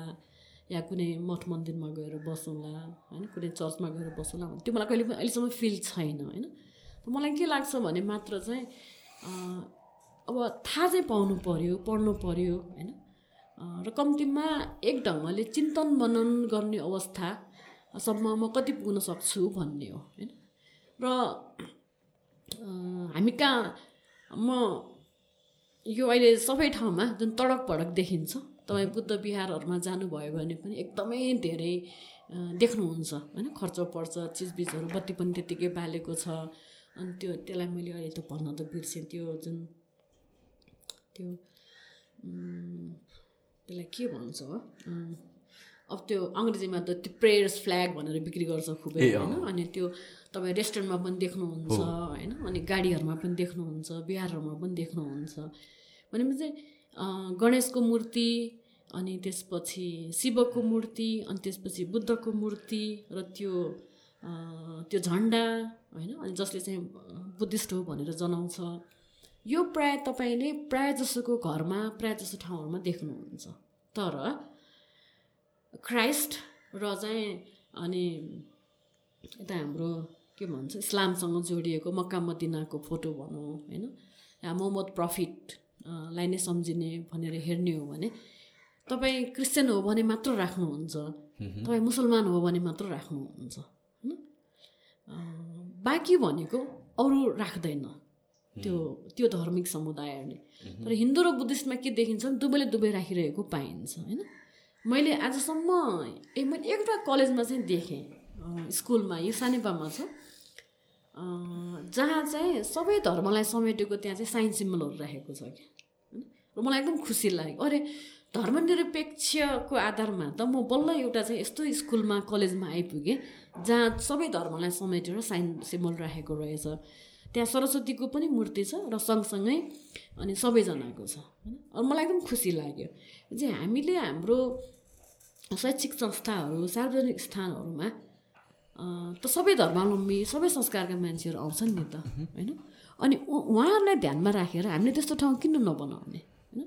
र हस्पिटलमा जानुहोस् या स्कुलमा जानुहोस् अहिले स्कुलमा त के पनि गर्न थालेको छ भने दसैँको पनि जमरा राखेर विद्यार्थीहरूलाई दिन थालिराखेको छ कि? भनेपछि दसैँ राष्ट्रिय चाड हो कि होइन? हो पनि होइन पनि। एक थरीको लागि हो एक थरीको लागि होइन। शुभकामना दिने हेर्नुभयो भने सबै समुदायहरूले दसैँको नाममा शुभकामना दिइ पनि राखेको छ। साथीहरूले पनि दिइराखेको छ राजनैतिक दलमा आबद्ध भएको व्यक्तिहरूले पनि दिइराखेको छ सबैले दिइराखेको छ। अनि क्रिसमसको नाममा पनि दिइराखेको हुन्छ होइन? अनि अहिले अब ईदको नाममा पनि दिइराखेको छ। भने चाहिँ प्रायः जसो हामी सबै धर्म समुदायसँग सम्बन्धित चाडबाडहरूमा शुभकामना दिइराखेको छ। अब एउटा चाहिँ दिनको लागि दिने शुभकामना भयो होइन? तर अर्को भनेको चाहिँ हाम्रो स्कुल एजुकेसनमा मानसिक ढङ्गले हामीले कस्तो खालको सूचनाहरू चाहिँ दिइराखेको छ त? जसरी हामीले दसैँ मानेर जमराहरू हामी घर घर पठाउने गर्छौँ। हामी ईदमा जुन एक महिना हामी भोग ईदको सन्दर्भमा जुन रोजा बस्छौँ हामी होइन एक महिना जुन हामी के भन्छ व्रत बसेको हुन्छ होइन बिहान स्याहारी सारी लिने हो। मैले पनि सबै त बिर्सिसकेको छ। अनि साँझ फेरि अब इफ्तार हुन्छ। अब त्यो पाटो हाम्रो स्कुलमा एजुकेसनमा छ कि छैन भने त्यो प्र्याक्टिस फेरि कसैले पनि गर्दैन क्या। तपाईँ दसैँको नाममा जमराको प्र्याक्टिस चाहिँ गराउनु थाल्नुभयो होइन? तर इस्लाम धर्मसँग सम्बन्धित जुन एक महिना जुन हामी रोजा बस्छौँ त्यो बारे त हामी कसैले पनि कसैलाई जानकारी दिइरहेको अवस्था छैनौँ। त्यसै गरी अब बुद्ध धर्म अन्तर्गतै कुराकानी गरियो भने पनि त्यहाँ विभिन्न अभ्यासहरू हुने गर्छ। बुद्ध पूर्णिमा वैशाखको बाहेक होइन? अरू दिनमा हामी के गर्छौँ त भन्दा प्रायः कसैलाई केही थाहा पनि छैन होला। अनि त्यही बुद्ध पूर्णिमा भनेर वैशाखमा पनि हामी किन मनाउँछौँ भन्ने कुरा पनि महत्त्वपूर्ण होला नि त। मलाई के लाग्छ भने कम्तीमा किन्डर गार्डन प्लेग्राउन्ड र प्राइमेरी स्कुल स्कुलका विद्यार्थीहरूको लागि विद्यार्थीहरू भएको स्कुलहरूमा कुनै पनि धर्म संस्कारसँग सम्बन्धित क्रियाकलाप हुनु हुँदैन भन्ने लाग्छ मलाई चाहिँ होइन? कि सबैलाई ध्यानमा राखेर त्यस्तो क्यालेन्डर बनाउनु पर्यो जसले गर्दाखेरि त्यो साना विद्यार्थीहरूलाई जानकारी होस्। अब प्लेग्राउन्डको बच्चाहरूलाई मोन्टेसरीको बच्चाहरूलाई होइन प्राइमरी स्कुलको बच्चाहरूलाई तपाईँले जमरा दिएको के अर्थ? होइन? त्यो त एकदमै एकदमै त्यो मान चाइल्ड चाइल्ड साइकोलोजीको हिसाबले हेऱ्यो भने त सायद गलतै हो जस्तो लाग्छ। म त साइकोलोजिस्ट होइन होइन? तर हामी कहाँ यहाँ चाइल्ड साइकोलोजिस्टहरूले नेपालको स्कुल एजुकेसनलाई एनालाइजिङ गरेको छ कि छैन मलाई त्यो थाहा छैन होइन? तर अब एउटा सचेत नागरिकको हिसाबले हेऱ्यो भने त्यो तरिका ठिक होइन कि भन्ने लाग्छ मलाई अब अब हामी जस्तो उमेरको मान्छेबाट हेर्ने हो भने अ, हामी कहाँ धर्मनिरपेक्षतालाई अभ्यास गर्ने हिसाबले नेपाल देशमा राष्ट्रले के अभ्यास गरेका छ देश आफैमा नीतिगत रूपले स्पष्ट छ कि छैन र व्यक्तिको आफ्नो व्यक्तिगत स्वतन्त्रताको हिसाबले उसले आफ्नो धर्म संस्कार मान्न पाउने कि नपाउने पाउनुपर्छ एकदमैसँग होइन? र त्यो मान्दाखेरि कुनै पनि हस्तक्षेपहरू कसैलाई पनि हुनु हुँदैन। तर देशले संसदले या प्रदेश सरकारले या स्थानीय सरकारहरूले मन्त्रालयहरूले अनि सरकारी निकायहरूले कुनै एउटा धर्मलाई प्रशय दिने किसिमले काम गर्नुहुन्छ कि हुँदैन त भन्दा हुँदैन तर गरिराखिएको छ। जस्तो यहाँ कुनै पनि अहिले शिलान्यासहरू कुनै पनि उद्घाटनहरू भयो भने पण्डितलाई बोलाएर शङ्ख बजाएर बत्ती बालेर नै प्रयोग गरिराखिएको छ होइन? अब एकातिर देश धर्मनिरपेक्ष छ अर्कोतिर हाम्रो सार्वजनिक निकाय निकायहरूको अभ्यास भनेको चाहिँ फेरि हिन्दू धर्म संस्कार अन्तर्गत छ। भनेपछि धर्मनिरपेक्षता र अनि त्यो हिन्दू धर्म संस्कारसँगको सम्बन्ध के रह्यो त? सार्वजनिक निकायहरूको कुराकानी गर्दाखेरि जहाँ सबैको कर जान्छ सबै नागरिकको कर जान्छ। र यो आई थिङ्क कति कुरा चाहिँ टाइमले पनि चेन्ज गर्छ कि जस्तो लाग्छ किनभने यो त रिसेन्टली ट्रान्जेक्सन भएर फेयरली रिसेन्टली रिसेन्टली भनेको अहिले नै त होइन तर फेयरली रिसेन्टली ट्रान्जेक्सन भइरहेको। सो मेबी त्यो इन प्र्याक्टिस मोर आउन बाँकी भएको हो कि जस्तो पनि लाग्छ किनभने अब जतिसुकै हामीले भने पनि अब नट जस्ट रिलिजनको कुरा मात्र नभनेर हामी कास्टको कल्चरको या भन्छ कलर अफ द स्किनको पर कन्टेक्सबाट पनि हेर्ने हो भने चाहिँ नेपालको अब काठमाडौँमा पनि छ तर काठमाडौँभन्दा अरू ठाउँमा त झन् मोर प्रमिनेन्ट छ नि त यो कुराहरू। जुन तपाईँले भन्नुभयो मधेसी पहाडी एन्ड यो कुराहरूमा चाहिँ अलि बेसी कि। सो आई थिङ्क यो बिस्तारै बिस्तारै फ्लो हुँदै जानलाई समथिङ टाइमले पनि देखाउने हो कि यो कुरा। यता लगनभित्र काठमाडौँको पुरानो सहरभित्र मधेसी साइकल राख्न पाइँदैन भनेर मैले सूचना पढाएको थिएँ कि होइन? अनि मधेसी साइकल भने चाहिँ त्यो हाम्रो जुन तरकारी बेच्न हिँड्नाले जुन साइकल, छ ठुलो साइकल। होइन?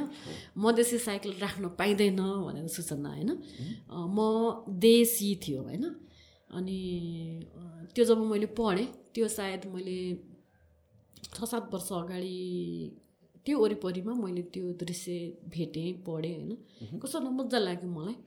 अनि त्यसपछि अब अहिले म त्यो ठाउँमा गएँ भने अब त्यो सूचना अहिले छैन होइन। त्यो विविध कारणले छैन त्यो सूचना। अनि अर्को भनेको म भक्तपुर पुग्यो भने जहिले पनि मलाई त्यहाँ रोक्छ कि? टिकट टिकट भनेर होइन। अनि मलाई विदेशी ठानेर म बसन्तपुर यता मङ्गलबजार जहाँ गयो भने पनि ठमेलमा गयो भने पनि सबै मलाई विदेशी भन्छ। अनि मसँग रमाइलो इन्टरेक्सन हुन्छ। अनि कोही अब अ, ह्यासिस बेच्न आइरहे होइन? अनि कोही चाहिँ अब गाइड चाहियो कि भने होइन? अनि कोही मलाई थाहा हुन्छ। अनि उनीहरूको के सिग्नलहरू हुन्छ क्या? अनि कति पैसा भनेर सोध्छु होइन? अनि म चाहिँ एक दिन चाहिँ किनौ कि भनेर विचार पनि गर्दैछु क्या। आफूसँग पैसा हुनु पऱ्यो पैसा भए दिन एक दिन ठमेल जानु पऱ्यो होइन? अनि कहिलेकाहीँ चाहिँ अब सेक्स बिजनेसको हिसाबले पनि क्लाइन्टको या भनौँ न सर्भिस डेलिभरी गर्ने हिसाबले पनि मान्छे चाहियो कि भनेर सोध्न आएको पनि हुन्छ भने चाहिँ एउटा गाइड चाहियो कि भनेर सोध्छ। अर्को भनेको अब त्यो ह्यासे चरेसहरू होइन त्यो चाहियो कि भनेर आएको हुन्छ। र अर्को भनेको चाहिँ यौन व्यवसायको हिसाबले होइन यो तिनवटा। सो भनेपछि त लाइक टुरिस्टहरूले नेपाल देख्ने भनेको त यही कन्टेक्स्ट एउटा बाटो त्यो पनि हो फेरि नडाँटिकन? भन्ने हो भने एकदमै एकदमै एकदमै तपाईँले एकदमै राम्रो एङ्गल उठाउनु भयो अनि अर्को भनेको होटलहरू पनि चाहियो कि भनेर पनि सोध्छ होइन? अनि अब ठमेलमा जानुभयो भने तपाईँले त्यस्तो खालको इन्टरेक्सन हुन्छ। अनि तपाईँ बस पार्कमा जानुभयो भने अर्कै खालको फेरि डिलिङ हुन्छ होइन? अनि टुरिज्म भएको स्पटमा जानुभयो भने अर्कै खालको हुन्छ होइन? दार्जिलिङ के अरे दक्षिण काली जानुभयो भने अर्कै खालको अनुभव पाउनुहुन्छ। जस्तो अब म त्यो हलेसी अहिले जुन फेमस छ नि। हलेसी मन्दिर जाने आदि इत्यादि मैले फोटोमा देखिरहेको छु। म त्यहाँ गएको छैन होइन? म चाहिँ त्यति धेरै यो धार्मिक स्थलहरू चाहिँ म सकेसम्म गइहाल्दिनँ। कुनै पनि। बाटोमा पऱ्यो भने जान्छु। त जानैकै लागि भनेर चाहिँ खासै म जाँदिनँ कामले बाहेक। अब म अहिले दक्षिण कालीको नाम किन दिएँ भने मैले मेरो आफ्नो एउटा विषय भनेको भिजुअल एन्थ्रोपोलोजी हो होइन। अनि अब दृश्य मानवशास्त्र अनि म यो एउटा रिसर्चको काममा जोडिराखेको छु होइन। युनिभर्सिटी कलेज लन्डनको प्रोफेसरसँग म काम गरिराखेको छु। अनि त्यो त्यही रिसर्चको क्रममा म दक्षिण काली अलिक धेरै गएँ कि। त्यस कारणले पनि दक्षिण कालीको अलिक नाम आएको हो। अब भनौँ न घुम्नैकै लागि तपाईँले सोध्नुभयो भने मान्छेहरू हामी मस्जिद कति जान्छ त काठमाडौँमा आउने टुरिस्टहरू भन्नु तपाईँले बिरलै पाउनुहुन्छ होइन? घुम्नकै लागि गुरुद्वारा यहीँ जुन कुपन्डोलमा छ नजिकै हामी कति गुरु गुरुद्वारा घुम्न जान्छौँ भन्यो भने बिरलै पाउनुहुन्छ। र नेपालमा धेरै पुरानो चर्च होइन क्याथोलिक चर्च पनि छ प्रोटेस्टेन्ट चर्च पनि छ होइन? राम्रो चर्च पनि। त्यहाँ हामी कतिको घुम्न जान्छौँ भने हामी खासै जाँदैनौँ। अब त्यसले गर्दाखेरि कस्तो देखिन्छ भने हाम्रो साइकलकै एक्टिभिटिज हेर्नुभयो भने पनि एकदमै धेरै मठ मन्दिरमै हामी गइरहेको हुन्छ होइन? र मान्छे गाडी लिएर घुम्न गयो भने पनि मठ मन्दिरमै पुगेको हुन्छ। त्योभन्दा बाहिरको समाज हामीलाई खासै थाहा पनि छैन। अब ठमेलमै सबैभन्दा पुरानो बाहा रहेछ। होइन? जुन मलाई अस्ति तिन चार दिन अगाडि मात्र थाहा भयो। ठमेलमा पुरानो बाहा होइन कि नेपाल भन्ने भूगोलभित्रै भएकोमा सबैभन्दा पुरानो चाहिँ बुद्ध विहार रहेछ क्या होइन? र त्यसलाई चाहिँ जेठो विक्रमशिला नेपालको भनिँदो रहेछ। एउटा विक्रमशिला भनेको भारतमा बिहारमा छ। अर्को भनेको यहाँ ठमेलमा होइन? र त्यहाँ जुन जो भगवान् हुनुहुन्छ खुसी खुसी खुसियाली उज्यालो दिने भगवान् भनेर रहेछ कि उहाँ भगवान्को नाम। अहिले मलाई नेपाल भाषामा भन्न आएन।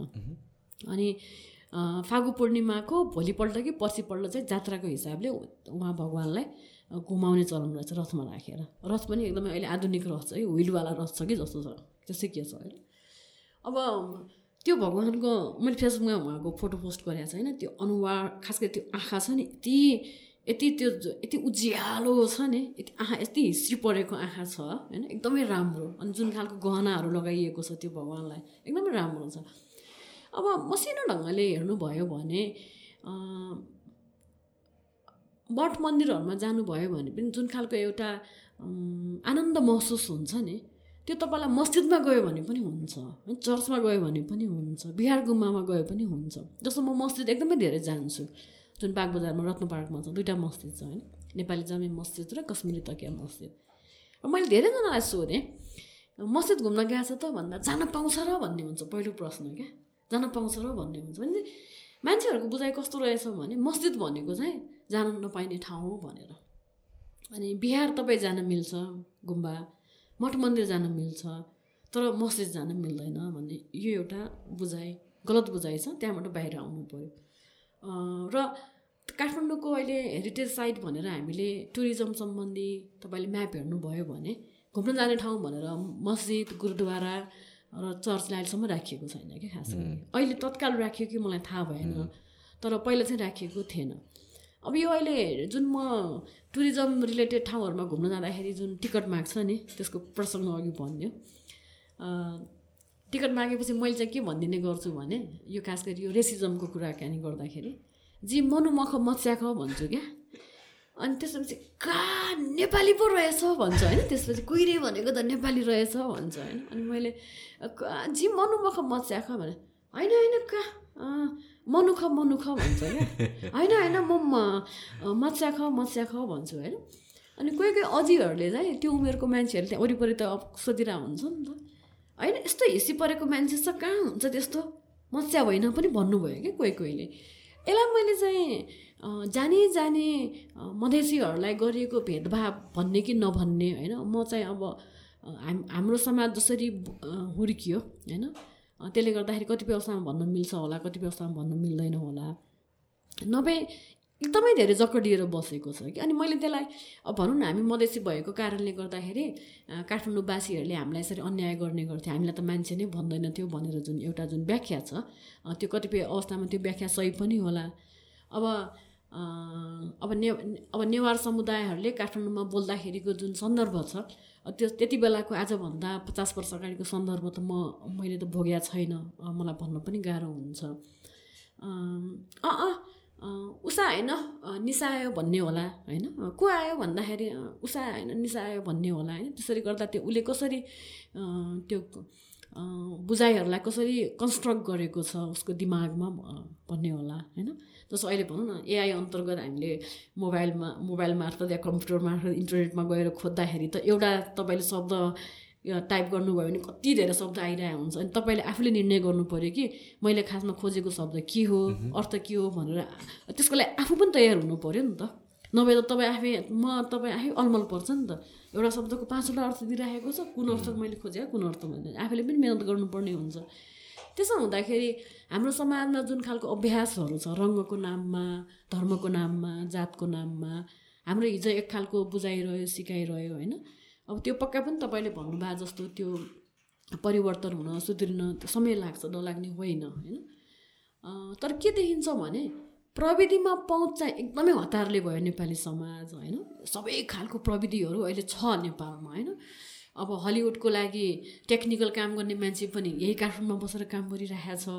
युरोपको लागि पनि टेक्निकल काम गर्ने मान्छेहरू यही काठमाडौँमा बसेर गरिरहेको छ। अनि त्यही प्रविधिमा पहुँच नभएर अनि एक छाक खान नपाएर होइन स्कुल जान नपाएको परिवार पनि हाम्रै देशमा हामी नै छौँ होइन। सम्पन्न भएको परिवार समाज पनि छौँ होइन। अनि अहिले के खायो भोलि के खायो भनेर पिर हुने समाज पनि हामी नै छौँ। त्यसले गर्दाखेरि दुवै खालको समाज हाम्रो देशमा छ अहिले होइन। अब देश अहिले आर्थिक अवस्थाले धेरै कमजोर भइ पनि सकेको छ। जुन अब अहिले सरकारले भर्खर निर्णय पनि गर्यो। अत्यावश्यक खर्च बाहेक अरू खर्चको लागि सरकारसँग रकम नै छैन भनेर। तलब खुवाउनलाई पनि रकम छैन भन्ने कुरो आइसकेको छ। देश गरिब देश भिखारी भिख दिएको हिसाबले हामी चलाइरहेका छौँ नि त। अनि राजनैतिक दलहरू सरकारमा छ होइन? र अहिलेको जुन राजनीतिक व्यवस्था छ यो व्यवस्थालाई हामीले बलियो पनि बनाउनु पर्नेछ। म चाहिँ त्यसको पक्षमा छु होइन? र अहिले जुन राजनीतिक व्यवस्था छ धर्मनिरपेक्ष गणतान्त्रिक सङ्घीय देश म यसको पक्षमा। भलै मैले मतदान हालेको छैन मेरो मतदाता मतदाता नामाले मेरो नाम छैन। त्यो केही कारणले गर्दाखेरि। अब यो अहिलेको देशलाई संस्थागत गर्नको लागि झन् लोकतान्त्रिक प्रजातान्त्रिक बनाउनको लागि तपाईँ हामी नागरिक भएको हैसियतले हाम्रो दायित्व के हाम्रो जिम्मेवारी के? पार्टीको नेताहरू नैतिकवान इमान्दार एथिकल हुनुपर्ने कि नपर्ने? उहाँहरूको जुन खर्च पर्चहरू छ त्यो आवश्यक खर्च मात्र गर्ने अरू खर्च गर्न नपर्ने होइन? मन्त्रीहरू हुनुभएको छ विभिन्न राजनीतिक नियुक्ति पदहरूमा बस्नु भएको छ। सामान्य सामान्य खर्चले जिन्दगी जिउन मिल्छ नि त। भनेपछि उहाँहरूबाट पनि कटौती हुनु पर्यो। ल ठिक छ। मेरो यदि बिस हजार रुपियाँले मेरो महिनाको खर्च चल्छ भने मैले अस्सी हजार तलब मैले किन लिने? होइन सांसद भएको हिसाबले होला कि या कुनै कर्मचारी कुनै पदको हिसाबले होला कि त्यसरी पनि सोच्नु पऱ्यो जस्तो लाग्छ। त्यसरी सोच्ने हो भने आर्थिक भार नेपाल देशलाई कम पर्थ्यो नि त। अहिले हामीलाई पैँसठी हजार ऋण छ हाम्रो टाउकोमा। अहिले भर्खर जन्मिने बच्चा। जसले जसले हेलो पनि भन्न पाएको छैन र कसैलाई देख्न पनि भेट्न पनि पाएको छैन। त्यो बच्चाको नाममा पैँसठी हजार ऋण परिसकेको छ। त्यो भार त्यो बच्चाले किन बेहोर्नु पर्ने होइन? जबकि के ग्यारेन्टी छैन भने त्यो बच्चाले राम्ररीसँग पढ्न पाउँछ त्यो बच्चाले राम्रोसँग लुगा लाउन पाउँछ त्यो बच्चाले राम्रोसँग स्वास्थ्य सुविधा पाउँछ यसको फेरि कुनै पनि ग्यारेन्टी छैन। एकदम तर होइन तर तपाईँले पैँसठी हजारको ऋण चाहिँ भोग्नु परेको छ कि? तपाईँ गर्नुहुन्छ खर्च तपाईँ गर्नुहुन्छ अमितमय कामहरू तर त्यसको जिम्मेवार चाहिँ म हुनुपर्ने होइन? तर मेरो लागि चाहिँ कुनै पनि सुविधा छैन। हक अधिकारकै हिसाबले पनि मैले केही पाउँदिनँ। जे यो खालको जुन असमानता छ यो यो देशबाट हट्नु पऱ्यो नेपालबाट। होइन? या एक्ज्याक्टली यो पर्सपेक्टिभमा कुरा आउँदाखेरि मैले जहिले पनि भन्ने कुरा के हो भने चाहिँ ट्याक्स हामी तिर्छौँ तिर्नुपर्छ एउटा सिटिजनको कर्तव्य हो। आई हन्ड्रेड पर्सेन्ट अग्री तर त्यो त्यसको बापत के पाउँछ त्यो पनि सोच्ने राज्यको कर्तव्य हो। त्यो यो अब हाम्रो कन्टेक्स्टमा चाहिँ त्यो भने इरेलेभेन्ट नै भयो कि। किनभने बाहिर देशहरूमा हेर्ने हो भने चाहिँ ट्याक्स पेयर भनेर पिपल दे आर प्राउड होइन मैले ट्याक्स पे गरेको मेरो देशमा जुन फेसिलिटिज छ या मैले मात्र होइन सरकारले जुन नसक्ने मान्छेहरूलाई हेरिदिइरहेको छ त्यो- त्यो मेरो ट्याक्सको कारणले हो। या भने चाहिँ जुन एजुकेसन फेसिलिटिज या हेल्थ फेसिलिटिज पाइरहेको छ त्यो मेरो ट्याक्सको कारणले हो। जुन रोडहरू बनेको छ या भने चाहिँ अरू चिजहरूमा फाइदा भइरहेको छ मलाई सुविधाहरू पाइरहेको छ त्यो मेरो ट्याक्सको कारणले। त्यो पर्सपेक्टिभ छ। त्यो सँगैसँगै अब लोन लिनु या इच सिटिजनको टाउकोमा लोन पर्नु भनेर ठुलो कुरा मलाई लाग्दैन होइन? त्यो if it is justified again जस्टिफिकेसनको कुरा चाहिँ किनभने सबै देशमा पर्ने हो त्यो त हाम्रोमा मात्रै होइन। हामीभन्दा डेभलप्ड कन्ट्रीमा हामीभन्दा धेरै लोन इच सिटिजनको टाउकोमा पर्छ तर त्यो लोनको पैसा इन्भेस्ट कता भइरहेको छ र त्यो इभेन्चुली त्यो पे अफ हुन्छ बाई द गभर्मेन्ट नै। त्यसको रिटर्न छ भनेर त्यो जस्टिफाइड छ क्या। हाम्रो कन्टेक्समा के भयो भनेपछि we are basically hopeless citizen हो। लोन त छ टाउकोमा तर त्यो गभर्मेन्टले राइट ठाउँमा त्यो युटिलाइज गरेछ त लोन त्यहाँ गएर क्वेसन अड्किन्छ क्या। हो। सो होल फाइनेन्सियल सिस्टममा चाहिँ कुरा गर्नु पर्दाखेरि तपाईँले भन्नुभयो जस्तो अहिले वी आर एन्टरिङ हामी जस्ट एन्टर गरेर छौँ ब्याड फेजमा होइन? त्यो हामीले देख्नु त देखेको छैन मार्केटमा त्यस्तो धेरै कतै कतै मार्कर्सहरू नोटिस गऱ्यो भने चाहिँ देखिन्छ कि यो हुन्छ नि राम्रो सिचुएसनमा छैन र योभन्दा वर्स हुनेवाला छ भनेर। बट यो सिचुएसन हामी पुग्यो कसरी त भन्ने कुराहरू त्यो एनालाइज गर्नु थाल्यो भने धेरैवटा ठाउँमा करेक्ट गर्न सकिन्थ्यो होला धेरैवटा ठाउँमा चाहिँ रेक्टिफाई गरेर यो सिचुएसनमा आउन सकिन् आउनु आइन्थेन होला। तर त्यहाँतिर ध्यान गएन नि त।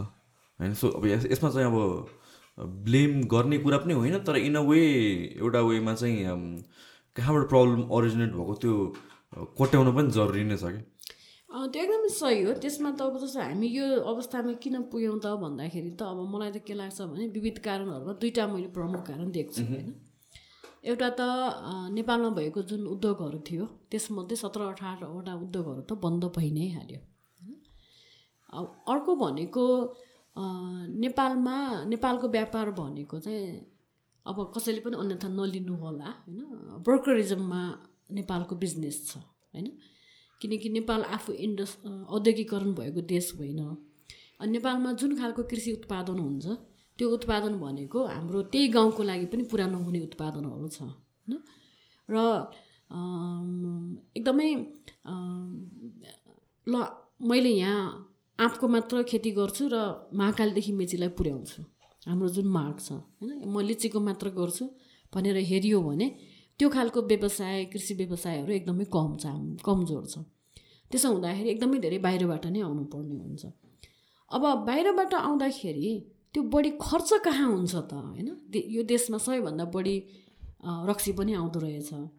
सबैभन्दा बढी यो महिलाहरूले प्रयोग गर्ने कस्मेटिक सामग्रीहरू अनि पोते धागो एकदमै धेरै आउँदो रहेछ।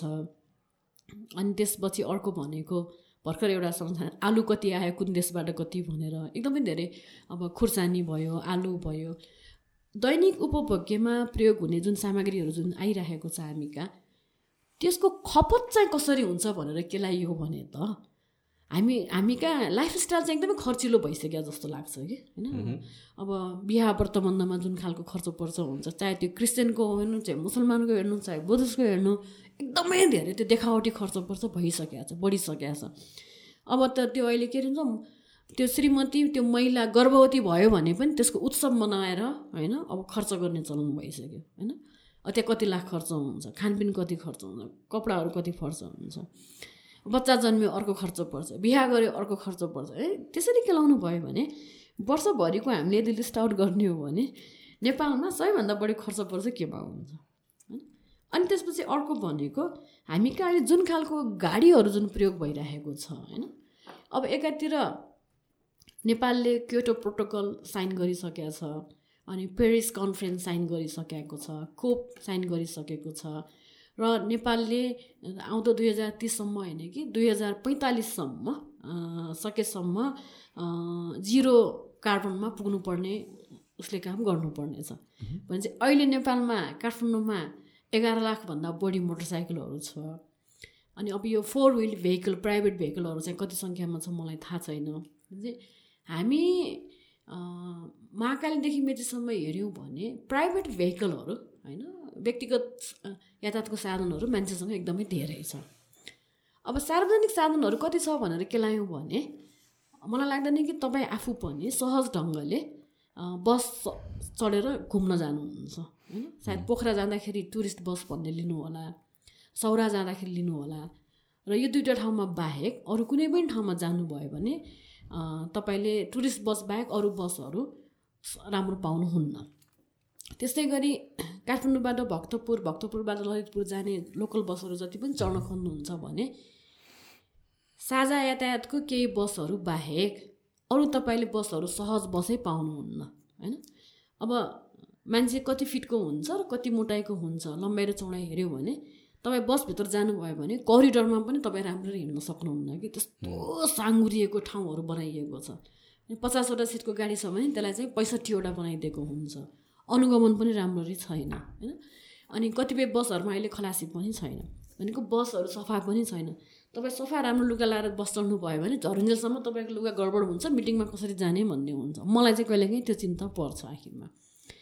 अनि अर्को भनेको काठमाडौँदेखि बाहिर पनि हेर्नुभयो भने लोकल पब्लिक बसहरू खासै छैन। एकदमै त्यो सानो स्केलको जुन ब्याट्रीको जुन गाडीहरू छ काहीँ मयुरी भन्छ काहीँ टुकटुक भन्छ काहीँ के भन्छ त्यो तपाईँ सुर्खेतसम्म पनि पाउनुहुन्छ मध्य पहाडी भेगमा। अब त्यो गाडी चाहिँ कस्तो भइदियो भने अहिले हामी मान्छेहरूको लागि प्राइभेट कार जस्तो भयो क्या किनकि आँगनसम्म पनि लानु मिल्यो नि त। अब हामी सबैजनाले चाहिँ प्राइभेट कार अफोर्ड गर्न सक्दैन पनि र गर्नुपर्छ भन्ने पनि छैन। अनि कतिपय मान्छेहरू मैले सचेत मान्छेहरू पनि भेटेको छु जस्तो उहाँहरूले प्राइभेट कार नलिनु भएको कि जानी जानिकन आर्थिक अवस्था राम्रो भएर पनि नलिनु भएको। किन त भन्दा आखिरमा प्राइभेट कार किन्यो धेरै प्रयोग पनि हुँदैन होइन?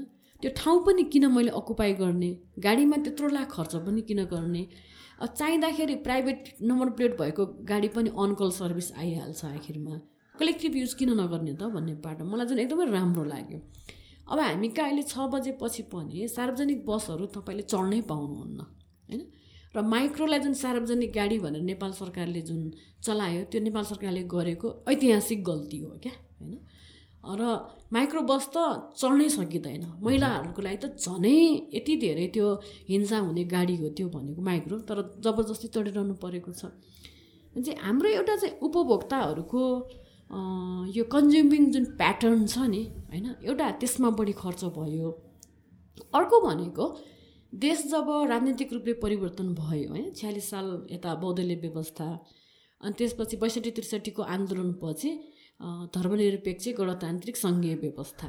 यहाँ आइसकेपछि नेपालको राष्ट्रिय कोषलाई अझ बलियो बनाउनको लागि आर्थिक रूपले बलियो बनाउनको लागि सरकार र पार्टीहरू जुन इमान्दारीपूर्वक नैतिकवान भएर मितव्ययी हुनु पर्थ्यो नि खर्च पर्चमा त्यो उनीहरू भएनन् होइन? झनै बरु खर्च बढ्यो क्या होइन? अनि त्यसो हुँदाखेरि देशको आफ्नो आम्दानी गर्ने ठाउँ पनि छैन।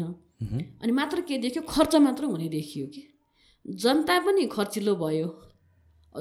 अब जस्तो म मन्त्री छु भने पनि कुनै बेला त म त जनता पनि छु नि त।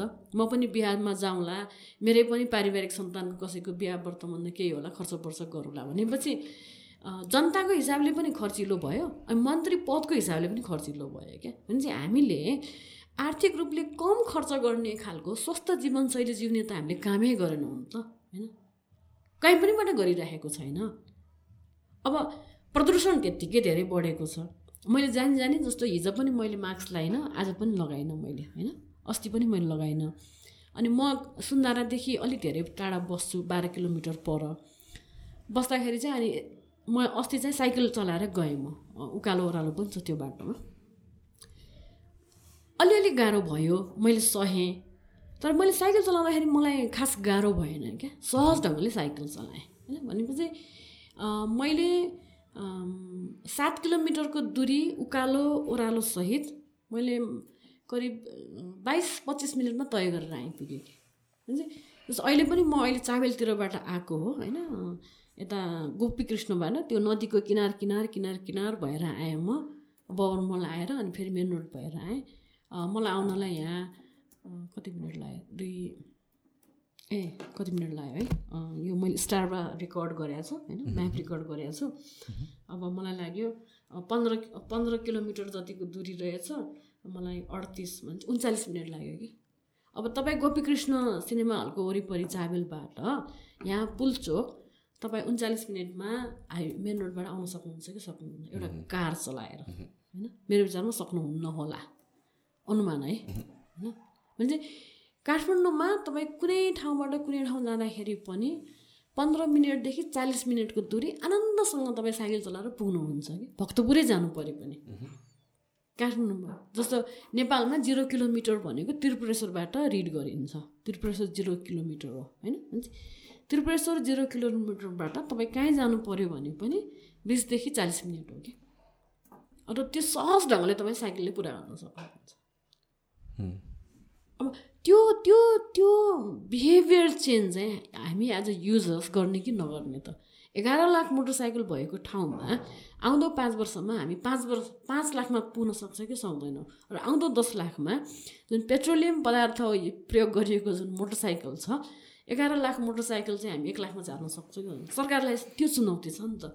अब सरकारले त के सडकमा आएर मोटरसाइकल नचलाउँ त कसैलाई पनि भन्ने भएन चाहिँ हामी उपभोक्ता हामी युजर्सले सकेसम्म मोटरसाइकल चलाउनु छोड्नु पऱ्यो होइन? सार्वजनिक गाडीहरूमा हिँड्न थाल्नु पऱ्यो अनि अब तपाईँ तपाईँ मध्यमवर्गीय या उच्च मध्यमवर्गीयको व्यक्ति हुनुहुन्छ। तपाईँ जुन खालको लुगा लाउनुहुन्छ तपाईँ जुन खालको ब्याग बोक्नुहुन्छ र एउटा ब्याङ्कमा म्यानेजरको रूपले जागिरमा जानुहुन्छ। तपाईँ तपाईँ सार्वजनिक बसमा चढेर जाने अवस्था भन्नुहोस् न। त्यो त्यो त्यो दिन हामी परिकल्पना गर्न सक्छ कि सक्दैनौँ त? होइन? तपाईँ साइकल चलाएर होइन टक्क तपाईँसँग तपाईँको आफ्नो ल्यापटप अब म्याक नै होला होइन? या एचपी होला होइन? फेन्सी फेन्सी ल्यापटप होइन?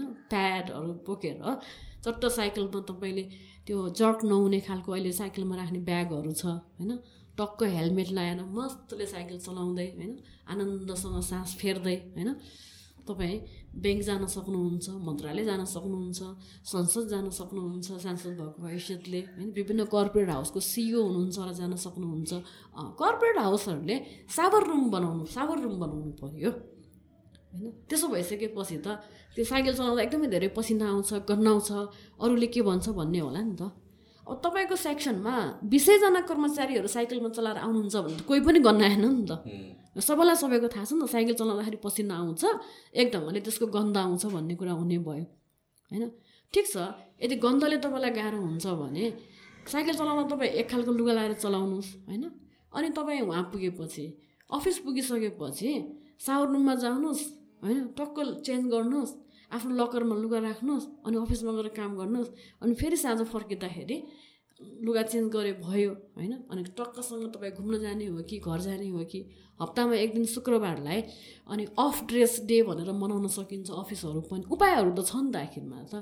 त्यो उपायतिर चाहिँ हामी किन नजान्ने होइन? त्यो संसदले गर्न सक्छ मन्त्रालयहरूले गर्न सक्छ कर्पोरेट हाउसहरूले गर्न सक्छ विद्यालयहरूले गर्न सक्छ। भने अहिले त सबैभन्दा बढी लार्जर इन्भेस्ट भनेको थियो यति नै ठाउँमा हो नि त हामी देखिने किसिमले होइन?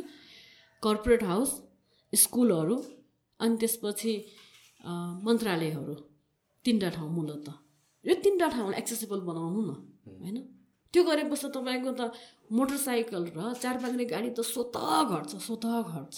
कति प्रतिशत घट्छ म अहिले भन्न सक्दिनँ। तर भन्न सकिन्छ त्यो डाटा हामी एनालाइज गऱ्यौँ भने। अनि एकातिर हामी कोभिडको बेलामा काठमाडौँबाट सबै हिमाल देखियो सगरमाथा देखियो भनेर सबजना दङ्ग खुसी। यति धेरै मिडियामा फोटोहरू पोस्ट भयो फेसबुकमा पोस्ट भयो उहाँ दिल्लीबाट पनि हिमाल देखियो अरे वीरगन्जबाट पनि हिमाल देखियो अरे पटनाबाट पनि हिमाल देखियो सब दङ्ग खुसी होइन? त्यो हिमाल देखियो भनेर। त्यो स्वस्थ समाज बनाउनको लागि तपाईँ र मैले गरेको लगानी चाहिँ के त यो पृथ्वीलाई स्वस्थ बनाउनको लागि? त्यो बारे चाहिँ हामी सचेत र जवाफदेही हुन नपर्ने। होइन? तपाईँ प्रधानमन्त्री हुनुहोला तपाईँ राष्ट्रपति हुनुहोला होइन? तपाईँ एकजना सडक व्यापारी हुनुहोला होइन? तर लगानी चाहिँ हामीले के गऱ्यौँ त? हाम्रो खानपिनमा सुधार के गऱ्यौँ? हाम्रो लवाइ खुवाइमा सुधार के गऱ्यौँ? होइन? हाम्रो सोच्ने तौर तरिकामा सुधार के गऱ्यौँ? होइन?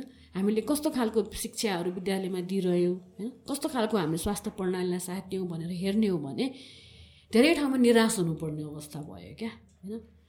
कागजमा साइन गरेको चाहिँ सबै कुरामा छ हस्ताक्षर गरेको राष्ट्रिय नियमहरू अन्तर्राष्ट्रिय सन्धि सम्झौताहरू होइन? तर व्यवहारमा चाहिँ काहीँ पनि छैन। अनि त्यसो हुँदाखेरि हिमाल कोभिडको त्यस्तो दर्दनाक अवस्था हुँदाखेरि त्यत्रो प्रियजनहरूलाई गुमाउँदाखेरि हामी मान्छेहरू खुसी भयौँ हिमाल देख्यौँ भनेर क्या? त्यही बेला कति मान्छेहरू दुखित भइरहेको अवस्था थियो नि त। कति प्रियजनहरू बित्नु भयो नि गुमाउनु पऱ्यो नि त। अब त्यो खास परिस्थितिमा मान्छेहरू बित्यो आफन्तजनहरू गुमाउनु पर्यो। तर हिमालले त खुसी दियो मुस्कान दियो भनेर मान्ने हो भने त्यो मुस्कान चाहिँ अहिले चाहिँ नचाहिने। अहिले चाहिँ तपाईँ बिहानदेखि बेलुकासम्म त्यही धुवा धुलोमा मात्र बाँच्नुपर्ने अहिले त हामी बिहानदेखि बेलुकासम्म र कोठाभित्र पनि धुवामा बाँचिरहेको अवस्था छ। त्यस्तो दर्दनाक अवस्था भएको छ। अहिले साइन्टिफिक रिसर्चले के देखाइरहेको रहेछ भने जुन ढङ्गले अहिले यो वातावरण परिवर्तन भइरहेको छ यही रफ्तारमा यदि हुने हो भने चार प्रतिशतको हिसाबले त्यो ऊर्जा बढ्दै जाने हो भने त्यो तापमान बढ्दै जाने हो भने नेपालमा भएको कुनै पनि हिमाल भनिएको ठाउँहरूमा हिउँ नै रहँदैन र त्यो सम्भावना एकदमै धेरै छ। होइन? भनेपछि त अब तपाईँ अन्नपूर्ण हिमालमा जानुहुन्न कि तपाईँ ढुङ्गामा जानुहुन्छ? र आशा गरौँ कुनै दिन सगरमाथा पनि त्यस्तो भइदिएला अरे हामीले त्यो त्यो मानेको हो त। त्यो यदि हुने हो भने त तराईवासीलाई मधेसलाई पनि बाँच्न खान समस्या अब पहाड र हिमालीहरूलाई त झनै समस्या छँदैछ यो घुमफिरिकन जहिले पनि कुरा चाहिँ ट्रान्सपोर्टेसनमै आउँछ। ट्रान्सपोर्टेसनको यहाँ स्पेसल्ली अब अरू सिटिज त होइन काठमाडौँमा चाहिँ एकदमै मेजर नै इस्यु भइसकेको छ अहिले। अनि यो सबै होल जुन यो प्लान छ इभेन्चुली कसरी सहज पार्ने त बाटोमा ट्रान्सपोर्टेसन भन्नु भनेको त्यसको उपाय भनेको भेहिकल घटाउने नै हो होइन? अब किनभने बाटो सडक जत्रो ठुलो हुनु पनि भइसक्यो अब सबै सडक मात्र बनाएर पनि हुने होला पोसिबल छैन र यो पनि गर्नको लागि दुइटा वेबाट गर्न सक्छ। एउटा भनेको चाहिँ बाई फोर्स गर्न सक्यो। अर्को भनेको चाहिँ कि मोटिभेट गरेर इन्सपायर गरेर गर्न सक्यो होइन? By force I don't believe त्यो के हुनेवाला छ र मान्छेको पर्सनल राइट्सको कुरा कुरा पनि आउँछ। मैले देखेको सल्युसन भन्यो भने पब्लिक ट्रान्सपोर्टेसनलाई स्ट्रङ कसरी बनाउने भन्ने कुरा हो क्या। एकदमै इभेन्चुली साइकलमै ट्रान्जेक्सन गरिएला जुन अरू मेजर डेभलप्ड कन्ट्रिजहरूमा पनि साइकल हेभिली युज हुन्छ नि तर हाम्रो जस्तो केसमा चाहिँ एउटा लेभल चेन्ज चाहिन्छ कि। त्यसको लागि भनेको पब्लिक ट्रान्सपोर्टेसन स्ट्रेङ्थन गर्ने हो। जस्तो फर इक्जाम्पल हामी अरू कन्ट्रिजमा गयो भने त्यहाँ मोटरसाइकल या गाडी त्यो मिस भएको फिलिङ नै आउँदैन कि। त्यहाँ झन् फ्री भइन्छ कि? मलाई अब पार्किङको बारेमा झन्झट भएन। म ट्राफिकमा फस्ने भएन। अब यो काठमाडौँमा सोच्नु न म म गाडी चलाउँछु होइन? कहीँ जानु पऱ्यो भने त्यहाँ पार्किङ छ कि छैन भने मैले दसचोटि सोच्नुपर्छ कि? होइन? कहीँ जानु पऱ्यो भने त्यहाँ पुग्न कति टाइम लाग्छ भनेर सोच्नुपर्छ होइन? सो जुन ट्राफिकको एउटा जुन सिस्टम छ एउटा कन्जेसन छ यो सल्भ हुने भनेर भनेको त इभेन्चुली पब्लिक ट्रान्सपोर्टेसन नै स्ट्रङ बनाएर हो। वान्स त्यो भएपछि त आई थिङ्क धेरैजना सिटिजनले पनि अग्री गर्नुहुन्छ। गाडी घरमै राखिन्छ होला गाडी किनिँदैन होला या भन्छ कहिले काहीँ काम पऱ्यो भने चलाइन्छ होला। तर यो डिस्करेज गर्नको लागि प्राइभेट भेहिकललाई डिस्करेज गर्नको लागि अन्ली सल्युसन भन्नु भनेको पब्लिक भेहिकल स्ट्रङ पार्ने हो। र जबसम्म त्यहाँ सोचिँदैन हामीहरू तबसम्म त यो यो प्रब्लम त कहिले सल्भ हुने नै वाला छैन अब रिङ रोड बनायो रिङ रोड सल्भ हुन्छ भने भएन नि त।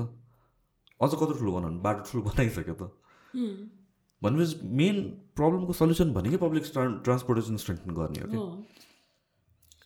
अनि फेरि मान्छेहरूले अनि कहिलेकाहीँ व्यङ्ग्य के गर्नुहुन्छ भने साइकलबाट त कहाँ जहाँ पनि जान मिल्छ भनेर त्यो अपमान गर्नलाई व्यङ्ग्य गरे होइन कि रमाइलो हिसाबले। अनि त्यो कहिलेकाहीँ त्यो मनमा लागेको पनि हुनसक्छ होला। साइकलबाट अहिले हामी चितवन एभ्रिडे जानुपर्छ भन्नु खोज्या होइन होइन? चितवन जाँदाखेरि तपाईँले जुन गाडी लिएर जानुहुन्छ प्राइभेट भेहिकल त्यो गाडीमा तपाईँले साइकल राखेर जाने अवस्था बनोस् क्या होइन? तपाईँ चितवनमा गइसकेपछि आफ्नो गाडी पार्किङमा राख्नुहोस् होइन? अनि त्यसपछि तपाईँ कामले कता कता जानुपर्ने हुन्छ तपाईँ साइकल प्रयोग गर्न सक्नुहुन्छ एउटा तरिका। त्यही पनि त्यो भनेको त रेयर कन्डिसन हो नि त चितवन गइँदैन अर्को भनेको चाहिँ चितवनमै साइकल छ होइन? साइकललाई सेयर गर्नु मिल्यो नि त। होइन? ठिक छ तपाईँ गाडीबाट जानुभयो गाडी पार्किङमा राख्नुहोस्। अब तपाईँलाई चाहिँ मेनुअल साइकल चलाउनु अल्छी लाग्छ गाह्रो हुन्छ भने ब्याट्री साइकल चलाउनुहोस् होइन? ब्याट्री साइकलबाट तपाईँ भरतपुरबाट सौरा जान पनि समस्या भएन टाढी जान पनि समस्या भएन होइन? पोखरा जानुहोस् गाडीबाट गाडी पार्किङमा राख्नुहोस् अनि त्यसपछि साइकलबाट आफ्नो काम गर्नुहोस्। भनेपछि त्यो गर्नको लागि त अब तपाईँ आफूले मात्र गरेर भएन कि आफू मात्र साइकल चलाएर घुमेर भएन कि तपाईँसहित तपाईँको वरिपरिको व्यक्तिहरूले पनि साइकल चलाउन थाल्नु पऱ्यो कि?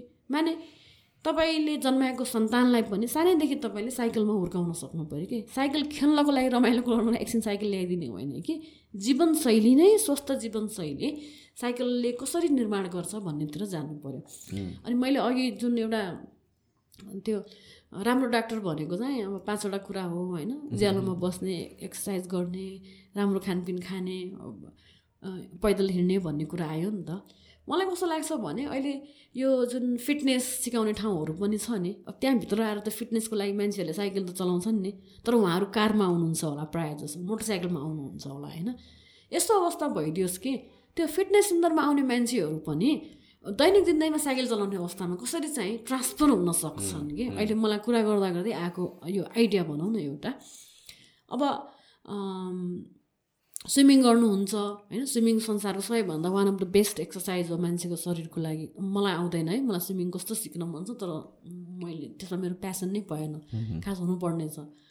अब साइक्लिङ चाहिँ म जस्तो अवस्थामा पनि गर्न सक्छु होइन? अब म साथीहरू साथीलाई भेट्न पहिला पहिला बानी शङ्खमूलबाट साइकल चलाउँदै म भक्तपुर पुगेर भेटेर च्यास्या खाएर फेरि आउँथेँ कि। कोभिडको बेलामा त म खास गरी सल्लाहघारी भन्दा पनि अझ त्यो चोङ्गा गणेशतिरबाट साइकल चलाउँदै म बानेश्वर कि रत्नपार्क चाहिँ म पन्ध्र मिनट जतिमा आएको छु कि होइन? मलाई एकदम राम्रोसँग म साइकल चलाउँछु होइन? स्ट्यामिना पनि राम्रो छ होइन? अब मलाई कति बेला जिस्काउँछ हिजो अस्ति अहिले साइकल चलाइरहेको देखेको अहिले उता पनि साइकल चलाएको देखेको टुर दे ठाकुरद्वारामा। लुम्बिनीबाट कुशीनगर जाँदा पनि त्यहाँ हजुर एकाउन्न वर्षको उमेरमा पनि यस्तो गजब स्ट्यामिना रहेछ भनेर नि त। अब अहिले ट्राइथलनमा म्याराथनमा अनि सिङ्गल साइक्लिङमा पनि अहिले रेकर्ड होल्ड गरिरहनु भएको छ कि। अस्सी वर्ष उमेर पुगेको पचासी वर्ष उमेर पुगेको महिलाहरूले रेकर्ड होल्ड गरिरहनु भएको छ। अब त्यो भनेको नेपालको होइन उता युरोपतिरको हुनुहुन्छ अमेरिकातिरको हुनुहुन्छ। यहीँ पनि हामीले हाम्रो हजुरआमाहरूलाई भेट्नुभयो भने उहाँहरू एकदम बलियो हुनुहुन्छ कि खास गरी होइन? अलिकति हान्यो हान्यो भने पनि दुख्दैन ठुक्यो भने पनि दुख्दैन। अहिले तपाईँहरूलाई अहिले हामीले चाहिँ अहिलेको अहिलेको सानो उमेरको बच्चाहरूलाई तपाईँले यसरी छुनुभयो भने दुख्छ उनीहरूलाई। उनी सहनै सक्दैन होइन? त्यो रेसिस्ट पावर नै त्यो प्रतिरोध गर्ने शक्ति नै छैन एकदमै कमजोर। त्यो के? प्लास्टिक होइन? त्यो ब्रोइलर कुखुरा त्यस्तो त्यस्तो खालको भइसक्यो हाम्रो हुर्काइहरू। एकदमै डेलिकेटहरू के? कहीँ छुनु हुँदैन रातो भइहाल्छ। मलाई त थाहा पनि थिएन। मलाई मेडिकल मसाज गर्न आउँछ कि? स्पाइनल कर्डको खास गरी। मैले एकजना साथीलाई गरिदिएँ। धेरै वर्ष अगाडि हो एकदम उसलाई गाह्रो भयो कि। उसलाई मलाई एकदम गाह्रो भयो। के भयो भने त भरे त उसको त्यो भित्र यता शरीरमा त छ नि त्यो टी सर्ट यसो खोलेर त पुरा रातो रक्ताम्य जस्तो भइसक्यो। उसलाई त्यो सहनै गाह्रो भएर जब कि मैले सामान्य ढङ्गले उसलाई त्यो मसाज गरिदिएको थिएँ कि। अब तपाईँले भन्नुभएको एकदमै सही हो। पब्लिक भेहिकलमा हामी जाने भन्ने कुरा होइन?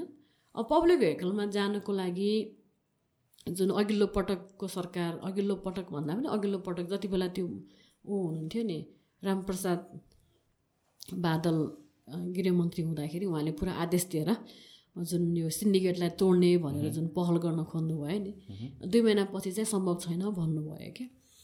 मलाई कस्तो लाग्छ भने यदि सरकारले साँच्चीकै चाहेमा साँच्चीकै चाहेमा नेपाललाई एउटा सकेसम्म कम कार्बन डाइअक्साइड उत्पादन गर्ने देश नहोस् भनेर चाहने हो भने सकेसम्म अक्सिजन उत्पादन गरोस्। र सकेसम्म हिमालमा अहिले जति हिमाल पग्लिरहेको भनेको छ त्यो हिमाल नपग्लियोस् होइन? हिमालमा हिमालमा हिउँ पग्लेन भने खास समयमा त पग्लिनै पऱ्यो पानी त चाहियो होइन? तर बेसमयमा हिमालमा हिउँ नहुँदाखेरि त त्यो प्रकृतिको इकोलोजिकलले नै असर गर्ने हुन्छ जस्तो अहिले पानी छ महिनापछि बल्ल पऱ्यो काठमाडौँमा होइन? किसानहरूलाई एकदमै धेरै गाह्रो भयो। त्यो पनि अलिअलि मात्र पऱ्यो अझ राम्ररी पानी परेको छैन। अब धेरै ठाउँमा अहिले जुन खालले गर्मी हुनुपर्ने जुन खालले जाडो हुनुपर्ने त्यो नै छैन होइन? गर्मी पनि गर्मी हुने ठाउँमा गर्मी छैन जाडो हुने ठाउँमा जाडो भइरहेको छैन। त्यो पुरै वातावरणको जुन सन्तुलन नै असन्तुलित भइसकेको छ आखिरमा होइन? अब यसलाई चाहिँ सन्तुलितमा लानको लागि त सरकारले हस्ताक्षर गरेका छ। भनेको सरकार भनेको तपाईँ र म नागरिक पनि हो। भनेपछि कम्तीमा यो यो काम चाहिँ हामीले फोर्सफुली नै गर्नुपर्छ भन्ने पनि लाग्न थाल्यो क्या मलाई चाहिँ। तैँले बस चढ्नै पर्छ भन्ने होइन कि? जुन विकल्पहरू छ नि जस्तो त्यो विकल्पहरूलाई फोर्सफुली लगाउनु पऱ्यो जस्तो अहिले अस्ति मेरो एकजना साथी देखिरहेको थिएँ। उसले फेसबुकमा पोस्ट गरेको। अब उसको भान्साको कामहरू चाहिँ सबै सोलर एनर्जीबाट गर्न थालेछ कि होइन? खानासाना पकाउनेहरू। अब मैले चाहिँ बिहान मलाई यति समय लाग्यो साँझ यति समय लाग्यो होइन? त्यो एनर्जीलाई सेभ पनि गर्न मिल्यो। मैले चाहिँ हेरेको छैन तर मैले सुनेको छु नेपालमा पनि त्यो नियम छ। तपाईँले यदि घरमा सोलर एनर्जी प्रडक्सन गरिरहनु भएको छ भने त्यसलाई तपाईँले नेसनल ग्रिडमा दिन मिल्छ भन्ने नियम छ अरे। तर नेपालमा हामी कतिवटा घरले यो गरिराखेको छ त? थाहा छैन मलाई। मैले दिल्लीमा चाहिँ मेरो एकजना साथीलाई भेटेँ मैले। उसले इकोलोजिकल सस्टेनेबल इकोलोजिकल लाइफस्टाइल बाँचेको भनेर अवार्ड पनि पायो चार वर्ष अगाडि। त्यो साथीले के गरेको छ भने उसको उसको घरमा भएको शौचालयबाट पिसाबलाई पनि रिसाइकल गरेको छ। दिशालाई पनि रिसाइकल गरेको छ। अनि उसको बारीमा भएको जति पनि उत्पादनहरू छ त्यो सबै जैविक उत्पादन गरेको छ। र पिसाब र दिशालाई जुन रिसाइकल गरेको छ त्यो उसले बारीको लागि प्रयोग गर्छ। अनि सोलर एनर्जी आफूले प्रयोग गर्ने बाहेकको सबै एनर्जी उसले नेसनल ग्रिडमा उसले बिक्री गरेको छ होइन? भने उसलाई इन्कम पनि भयो होइन?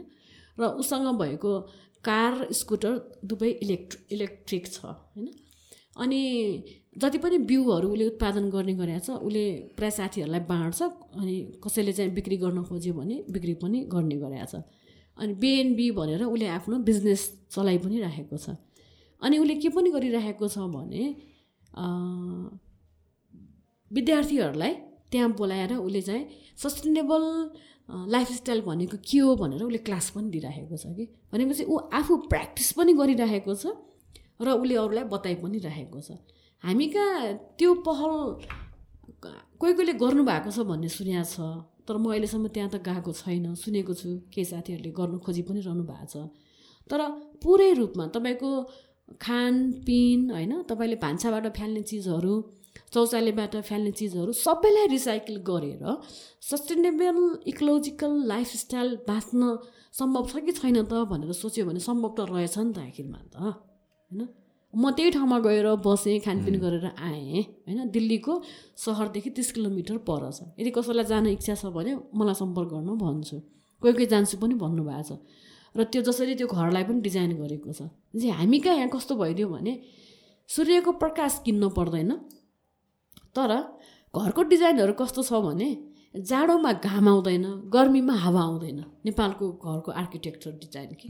मतलब टोटल्ली इन्जिनियरिङ गलत कामहरू क्या? अब त्यसो भन्दा सिभिल इन्जिनियरहरू आर्किटेक्टहरूलाई चित्त दुख्छ होला।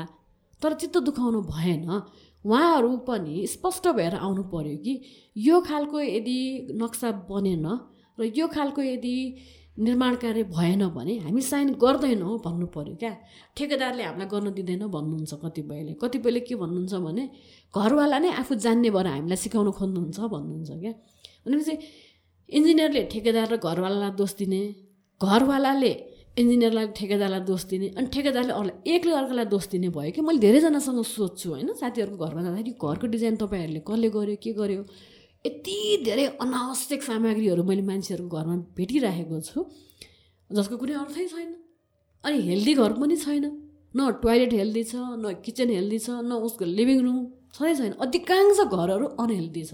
अब काठमाडौँमा मार्बल युज गर्नै हुँदैन खास गरी। नाइन्टिन अस्सीको दशकमा काठमाडौँमा मार्बल आइपुग्यो। अहिले तपाईँले घरमा मार्बल राख्नु भएन भने तपाईँको इज्जतै नहुने रहेछ कि? यसको घरमा त मार्बलै छैन भनेर। जबकि काठमाडौँको क्लाइमेटमा मार्बल भनेको रोग निम्त्याउने हो। काठमाडौँको क्लाइमेटमा मार्बल प्रयोगै गर्नु हुँदैन। सकेसम्म मिल्छ भने तपाईँले काठ प्रयोग गर्ने हो। नभए सिमेन्ट मात्र ठिक छ। मार्बल मार्बलले तपाईँलाई न्युरोलोजिकल अर्थोपेडिकल प्रब्लम क्रिएट गर्छ। जुन कुरा धेरैले बुझ्नुहुन्न। एकदम अनहेल्दी छ। कन्स्ट्रक्सन।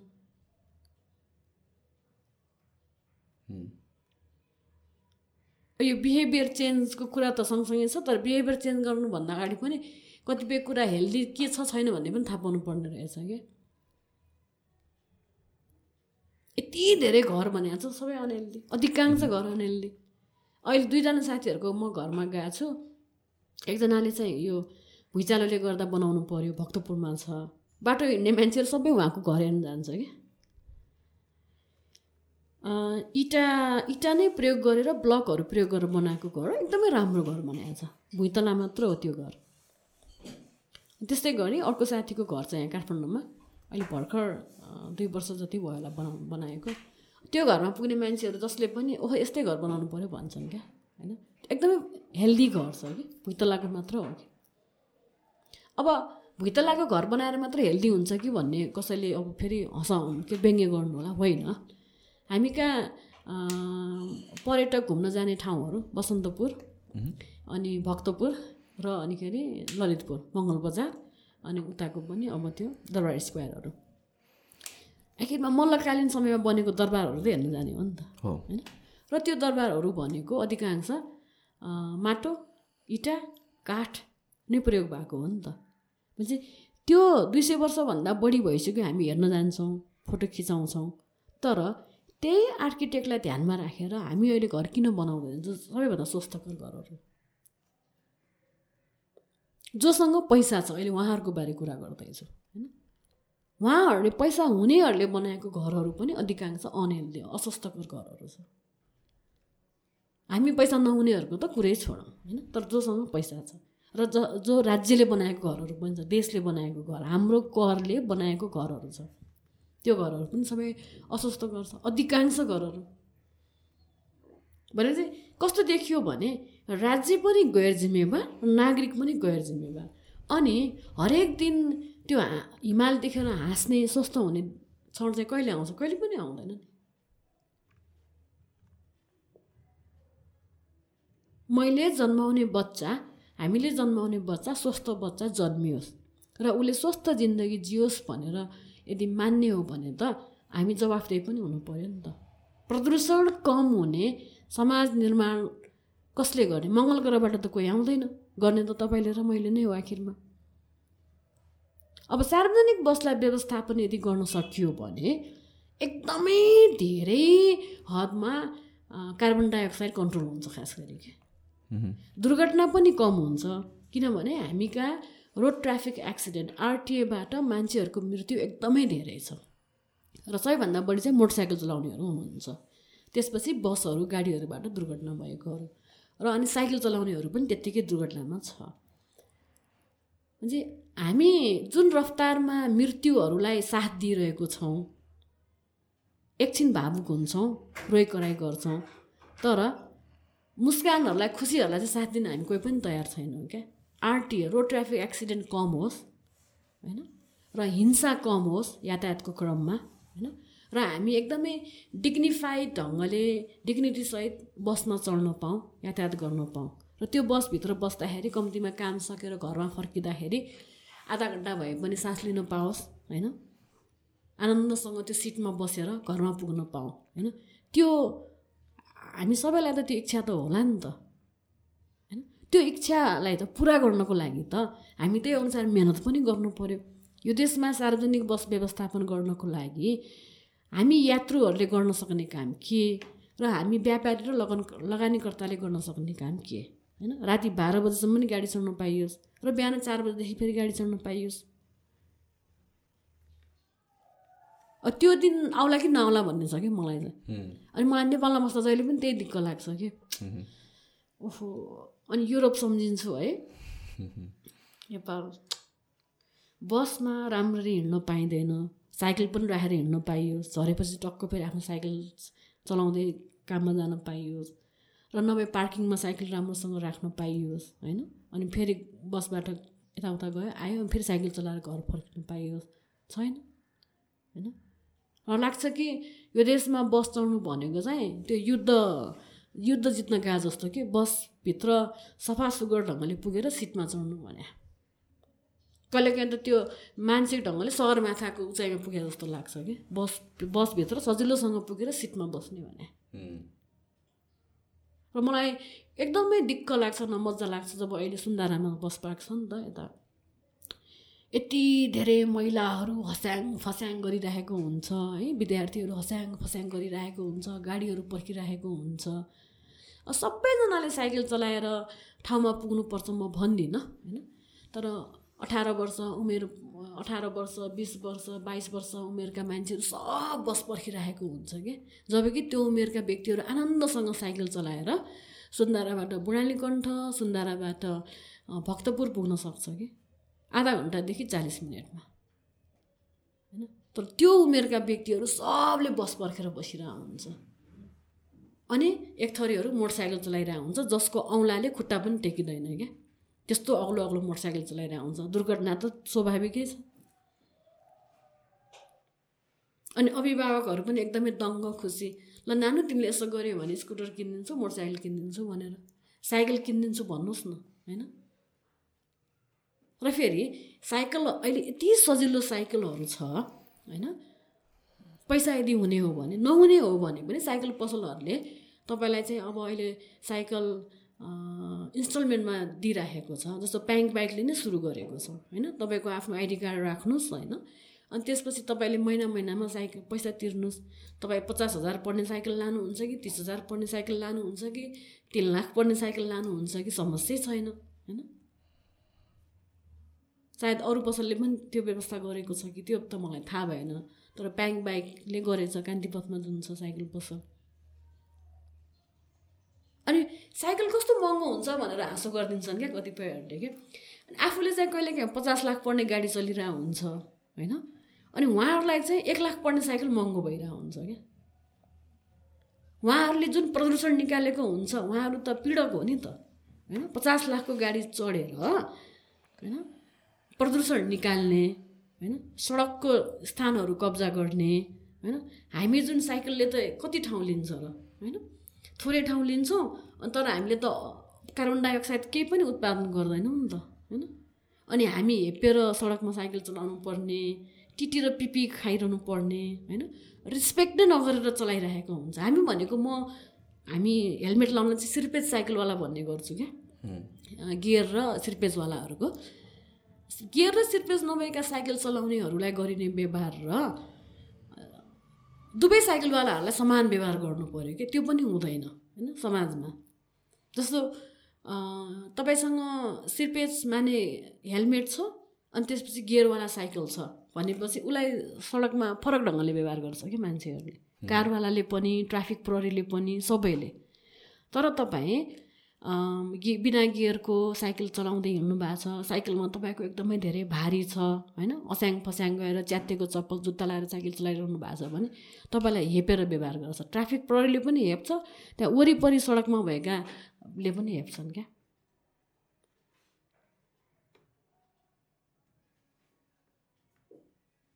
कोही हाम्रो काम गर्ने श्रमिक मजदुरहरूलाई हेपे जस्तै त अनि किसानलाई हेपे जस्तै उनीहरू बिना तपाईँको सास चल्दैन खानपिन चल्दैन भात खानुपर्छ तर त्यो किसान मजदुरहरूलाई तपाईँ हामी हेर्छौँ कारखानामा काम गर्ने फ्याक्ट्रीमा काम गर्ने खेतबारीमा काम गर्नेहरूलाई।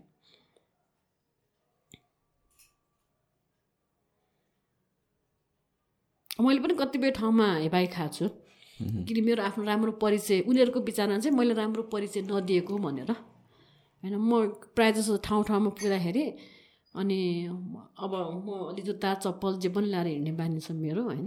अनि म म उषा हो मान्छेलाई भेट्न आएको भन्छु होइन? अनिखेरि पछि बाहिर निस्किसकेपछि अनि पालेहरूले फेनहरूले हजुर त ठुलो मान्छे हुँदो रहेछ नि भन्छ। पहिले भन्नु पर्थ्यो नि भन्छ त्यस्तो होइन नि। कोही मान्छे साइकलमा जसरी आउँछ भने चाहिँ उसलाई तपाईँले तपाईँले पनि साइकल चलाउनुहुन्छ मैले पनि साइकल चलाउँछु भनेपछि पदले तपाईँले सम्मान गर्ने भन्ने होइन। जसरी अर्को व्यक्ति कोही मान्छे यो अफिसमा भेट्न कसैलाई आउँछ भने कारमा कारमा आएकोलाई एउटा व्यवहार गर्ने पैदल आएकोलाई एउटा व्यवहार गर्ने साइकलमा लगाउनु त्यो गर्नु पाइएन नि त। त्यति मात्र हो कुरा। सबैलाई बराबर व्यवहार गर्नु पऱ्यो। कोही कोहीले त्यस्तो गर्नु पनि भयो। तर अहिले अलिकति फरक चाहिँ मैले के पाएँ भने मैले महसुस गरे हो कि हिजै पनि होला आज पनि होला। ए हिजो राति चाहिँ अलिक गाह्रो भयो। उताबाट आएको गाडी त्यो बिम लाइटमा थियो होइन प्राइभेट गाडी। म यताबाट गइरहेको थिएँ। जब कि उसले त्यो लाइट स्लो गर्नु लो गर्नु पर्थ्यो नि त गरेन कि। अनि मलाई त्रिमिरी भयो अझ त्यो म उकालोमा थिएँ कि। अब उसलाई थाहा पनि भएन होला त्यो ड्राइभरलाई। मैले महाकाली मेची साइक्लिङै गर्दाखेरि पनि मेरो साइकलमा लुकिङ ग्लास छ कि खास गरी होइन।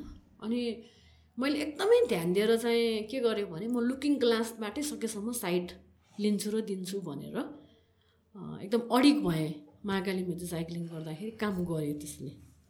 भने चाहिँ मेरो लुकिङ ग्लासबाट मैले साइड लिने दिने गरेँ। मैले फर्केर चाहिँ साइड लिने दिने काम गरिनँ।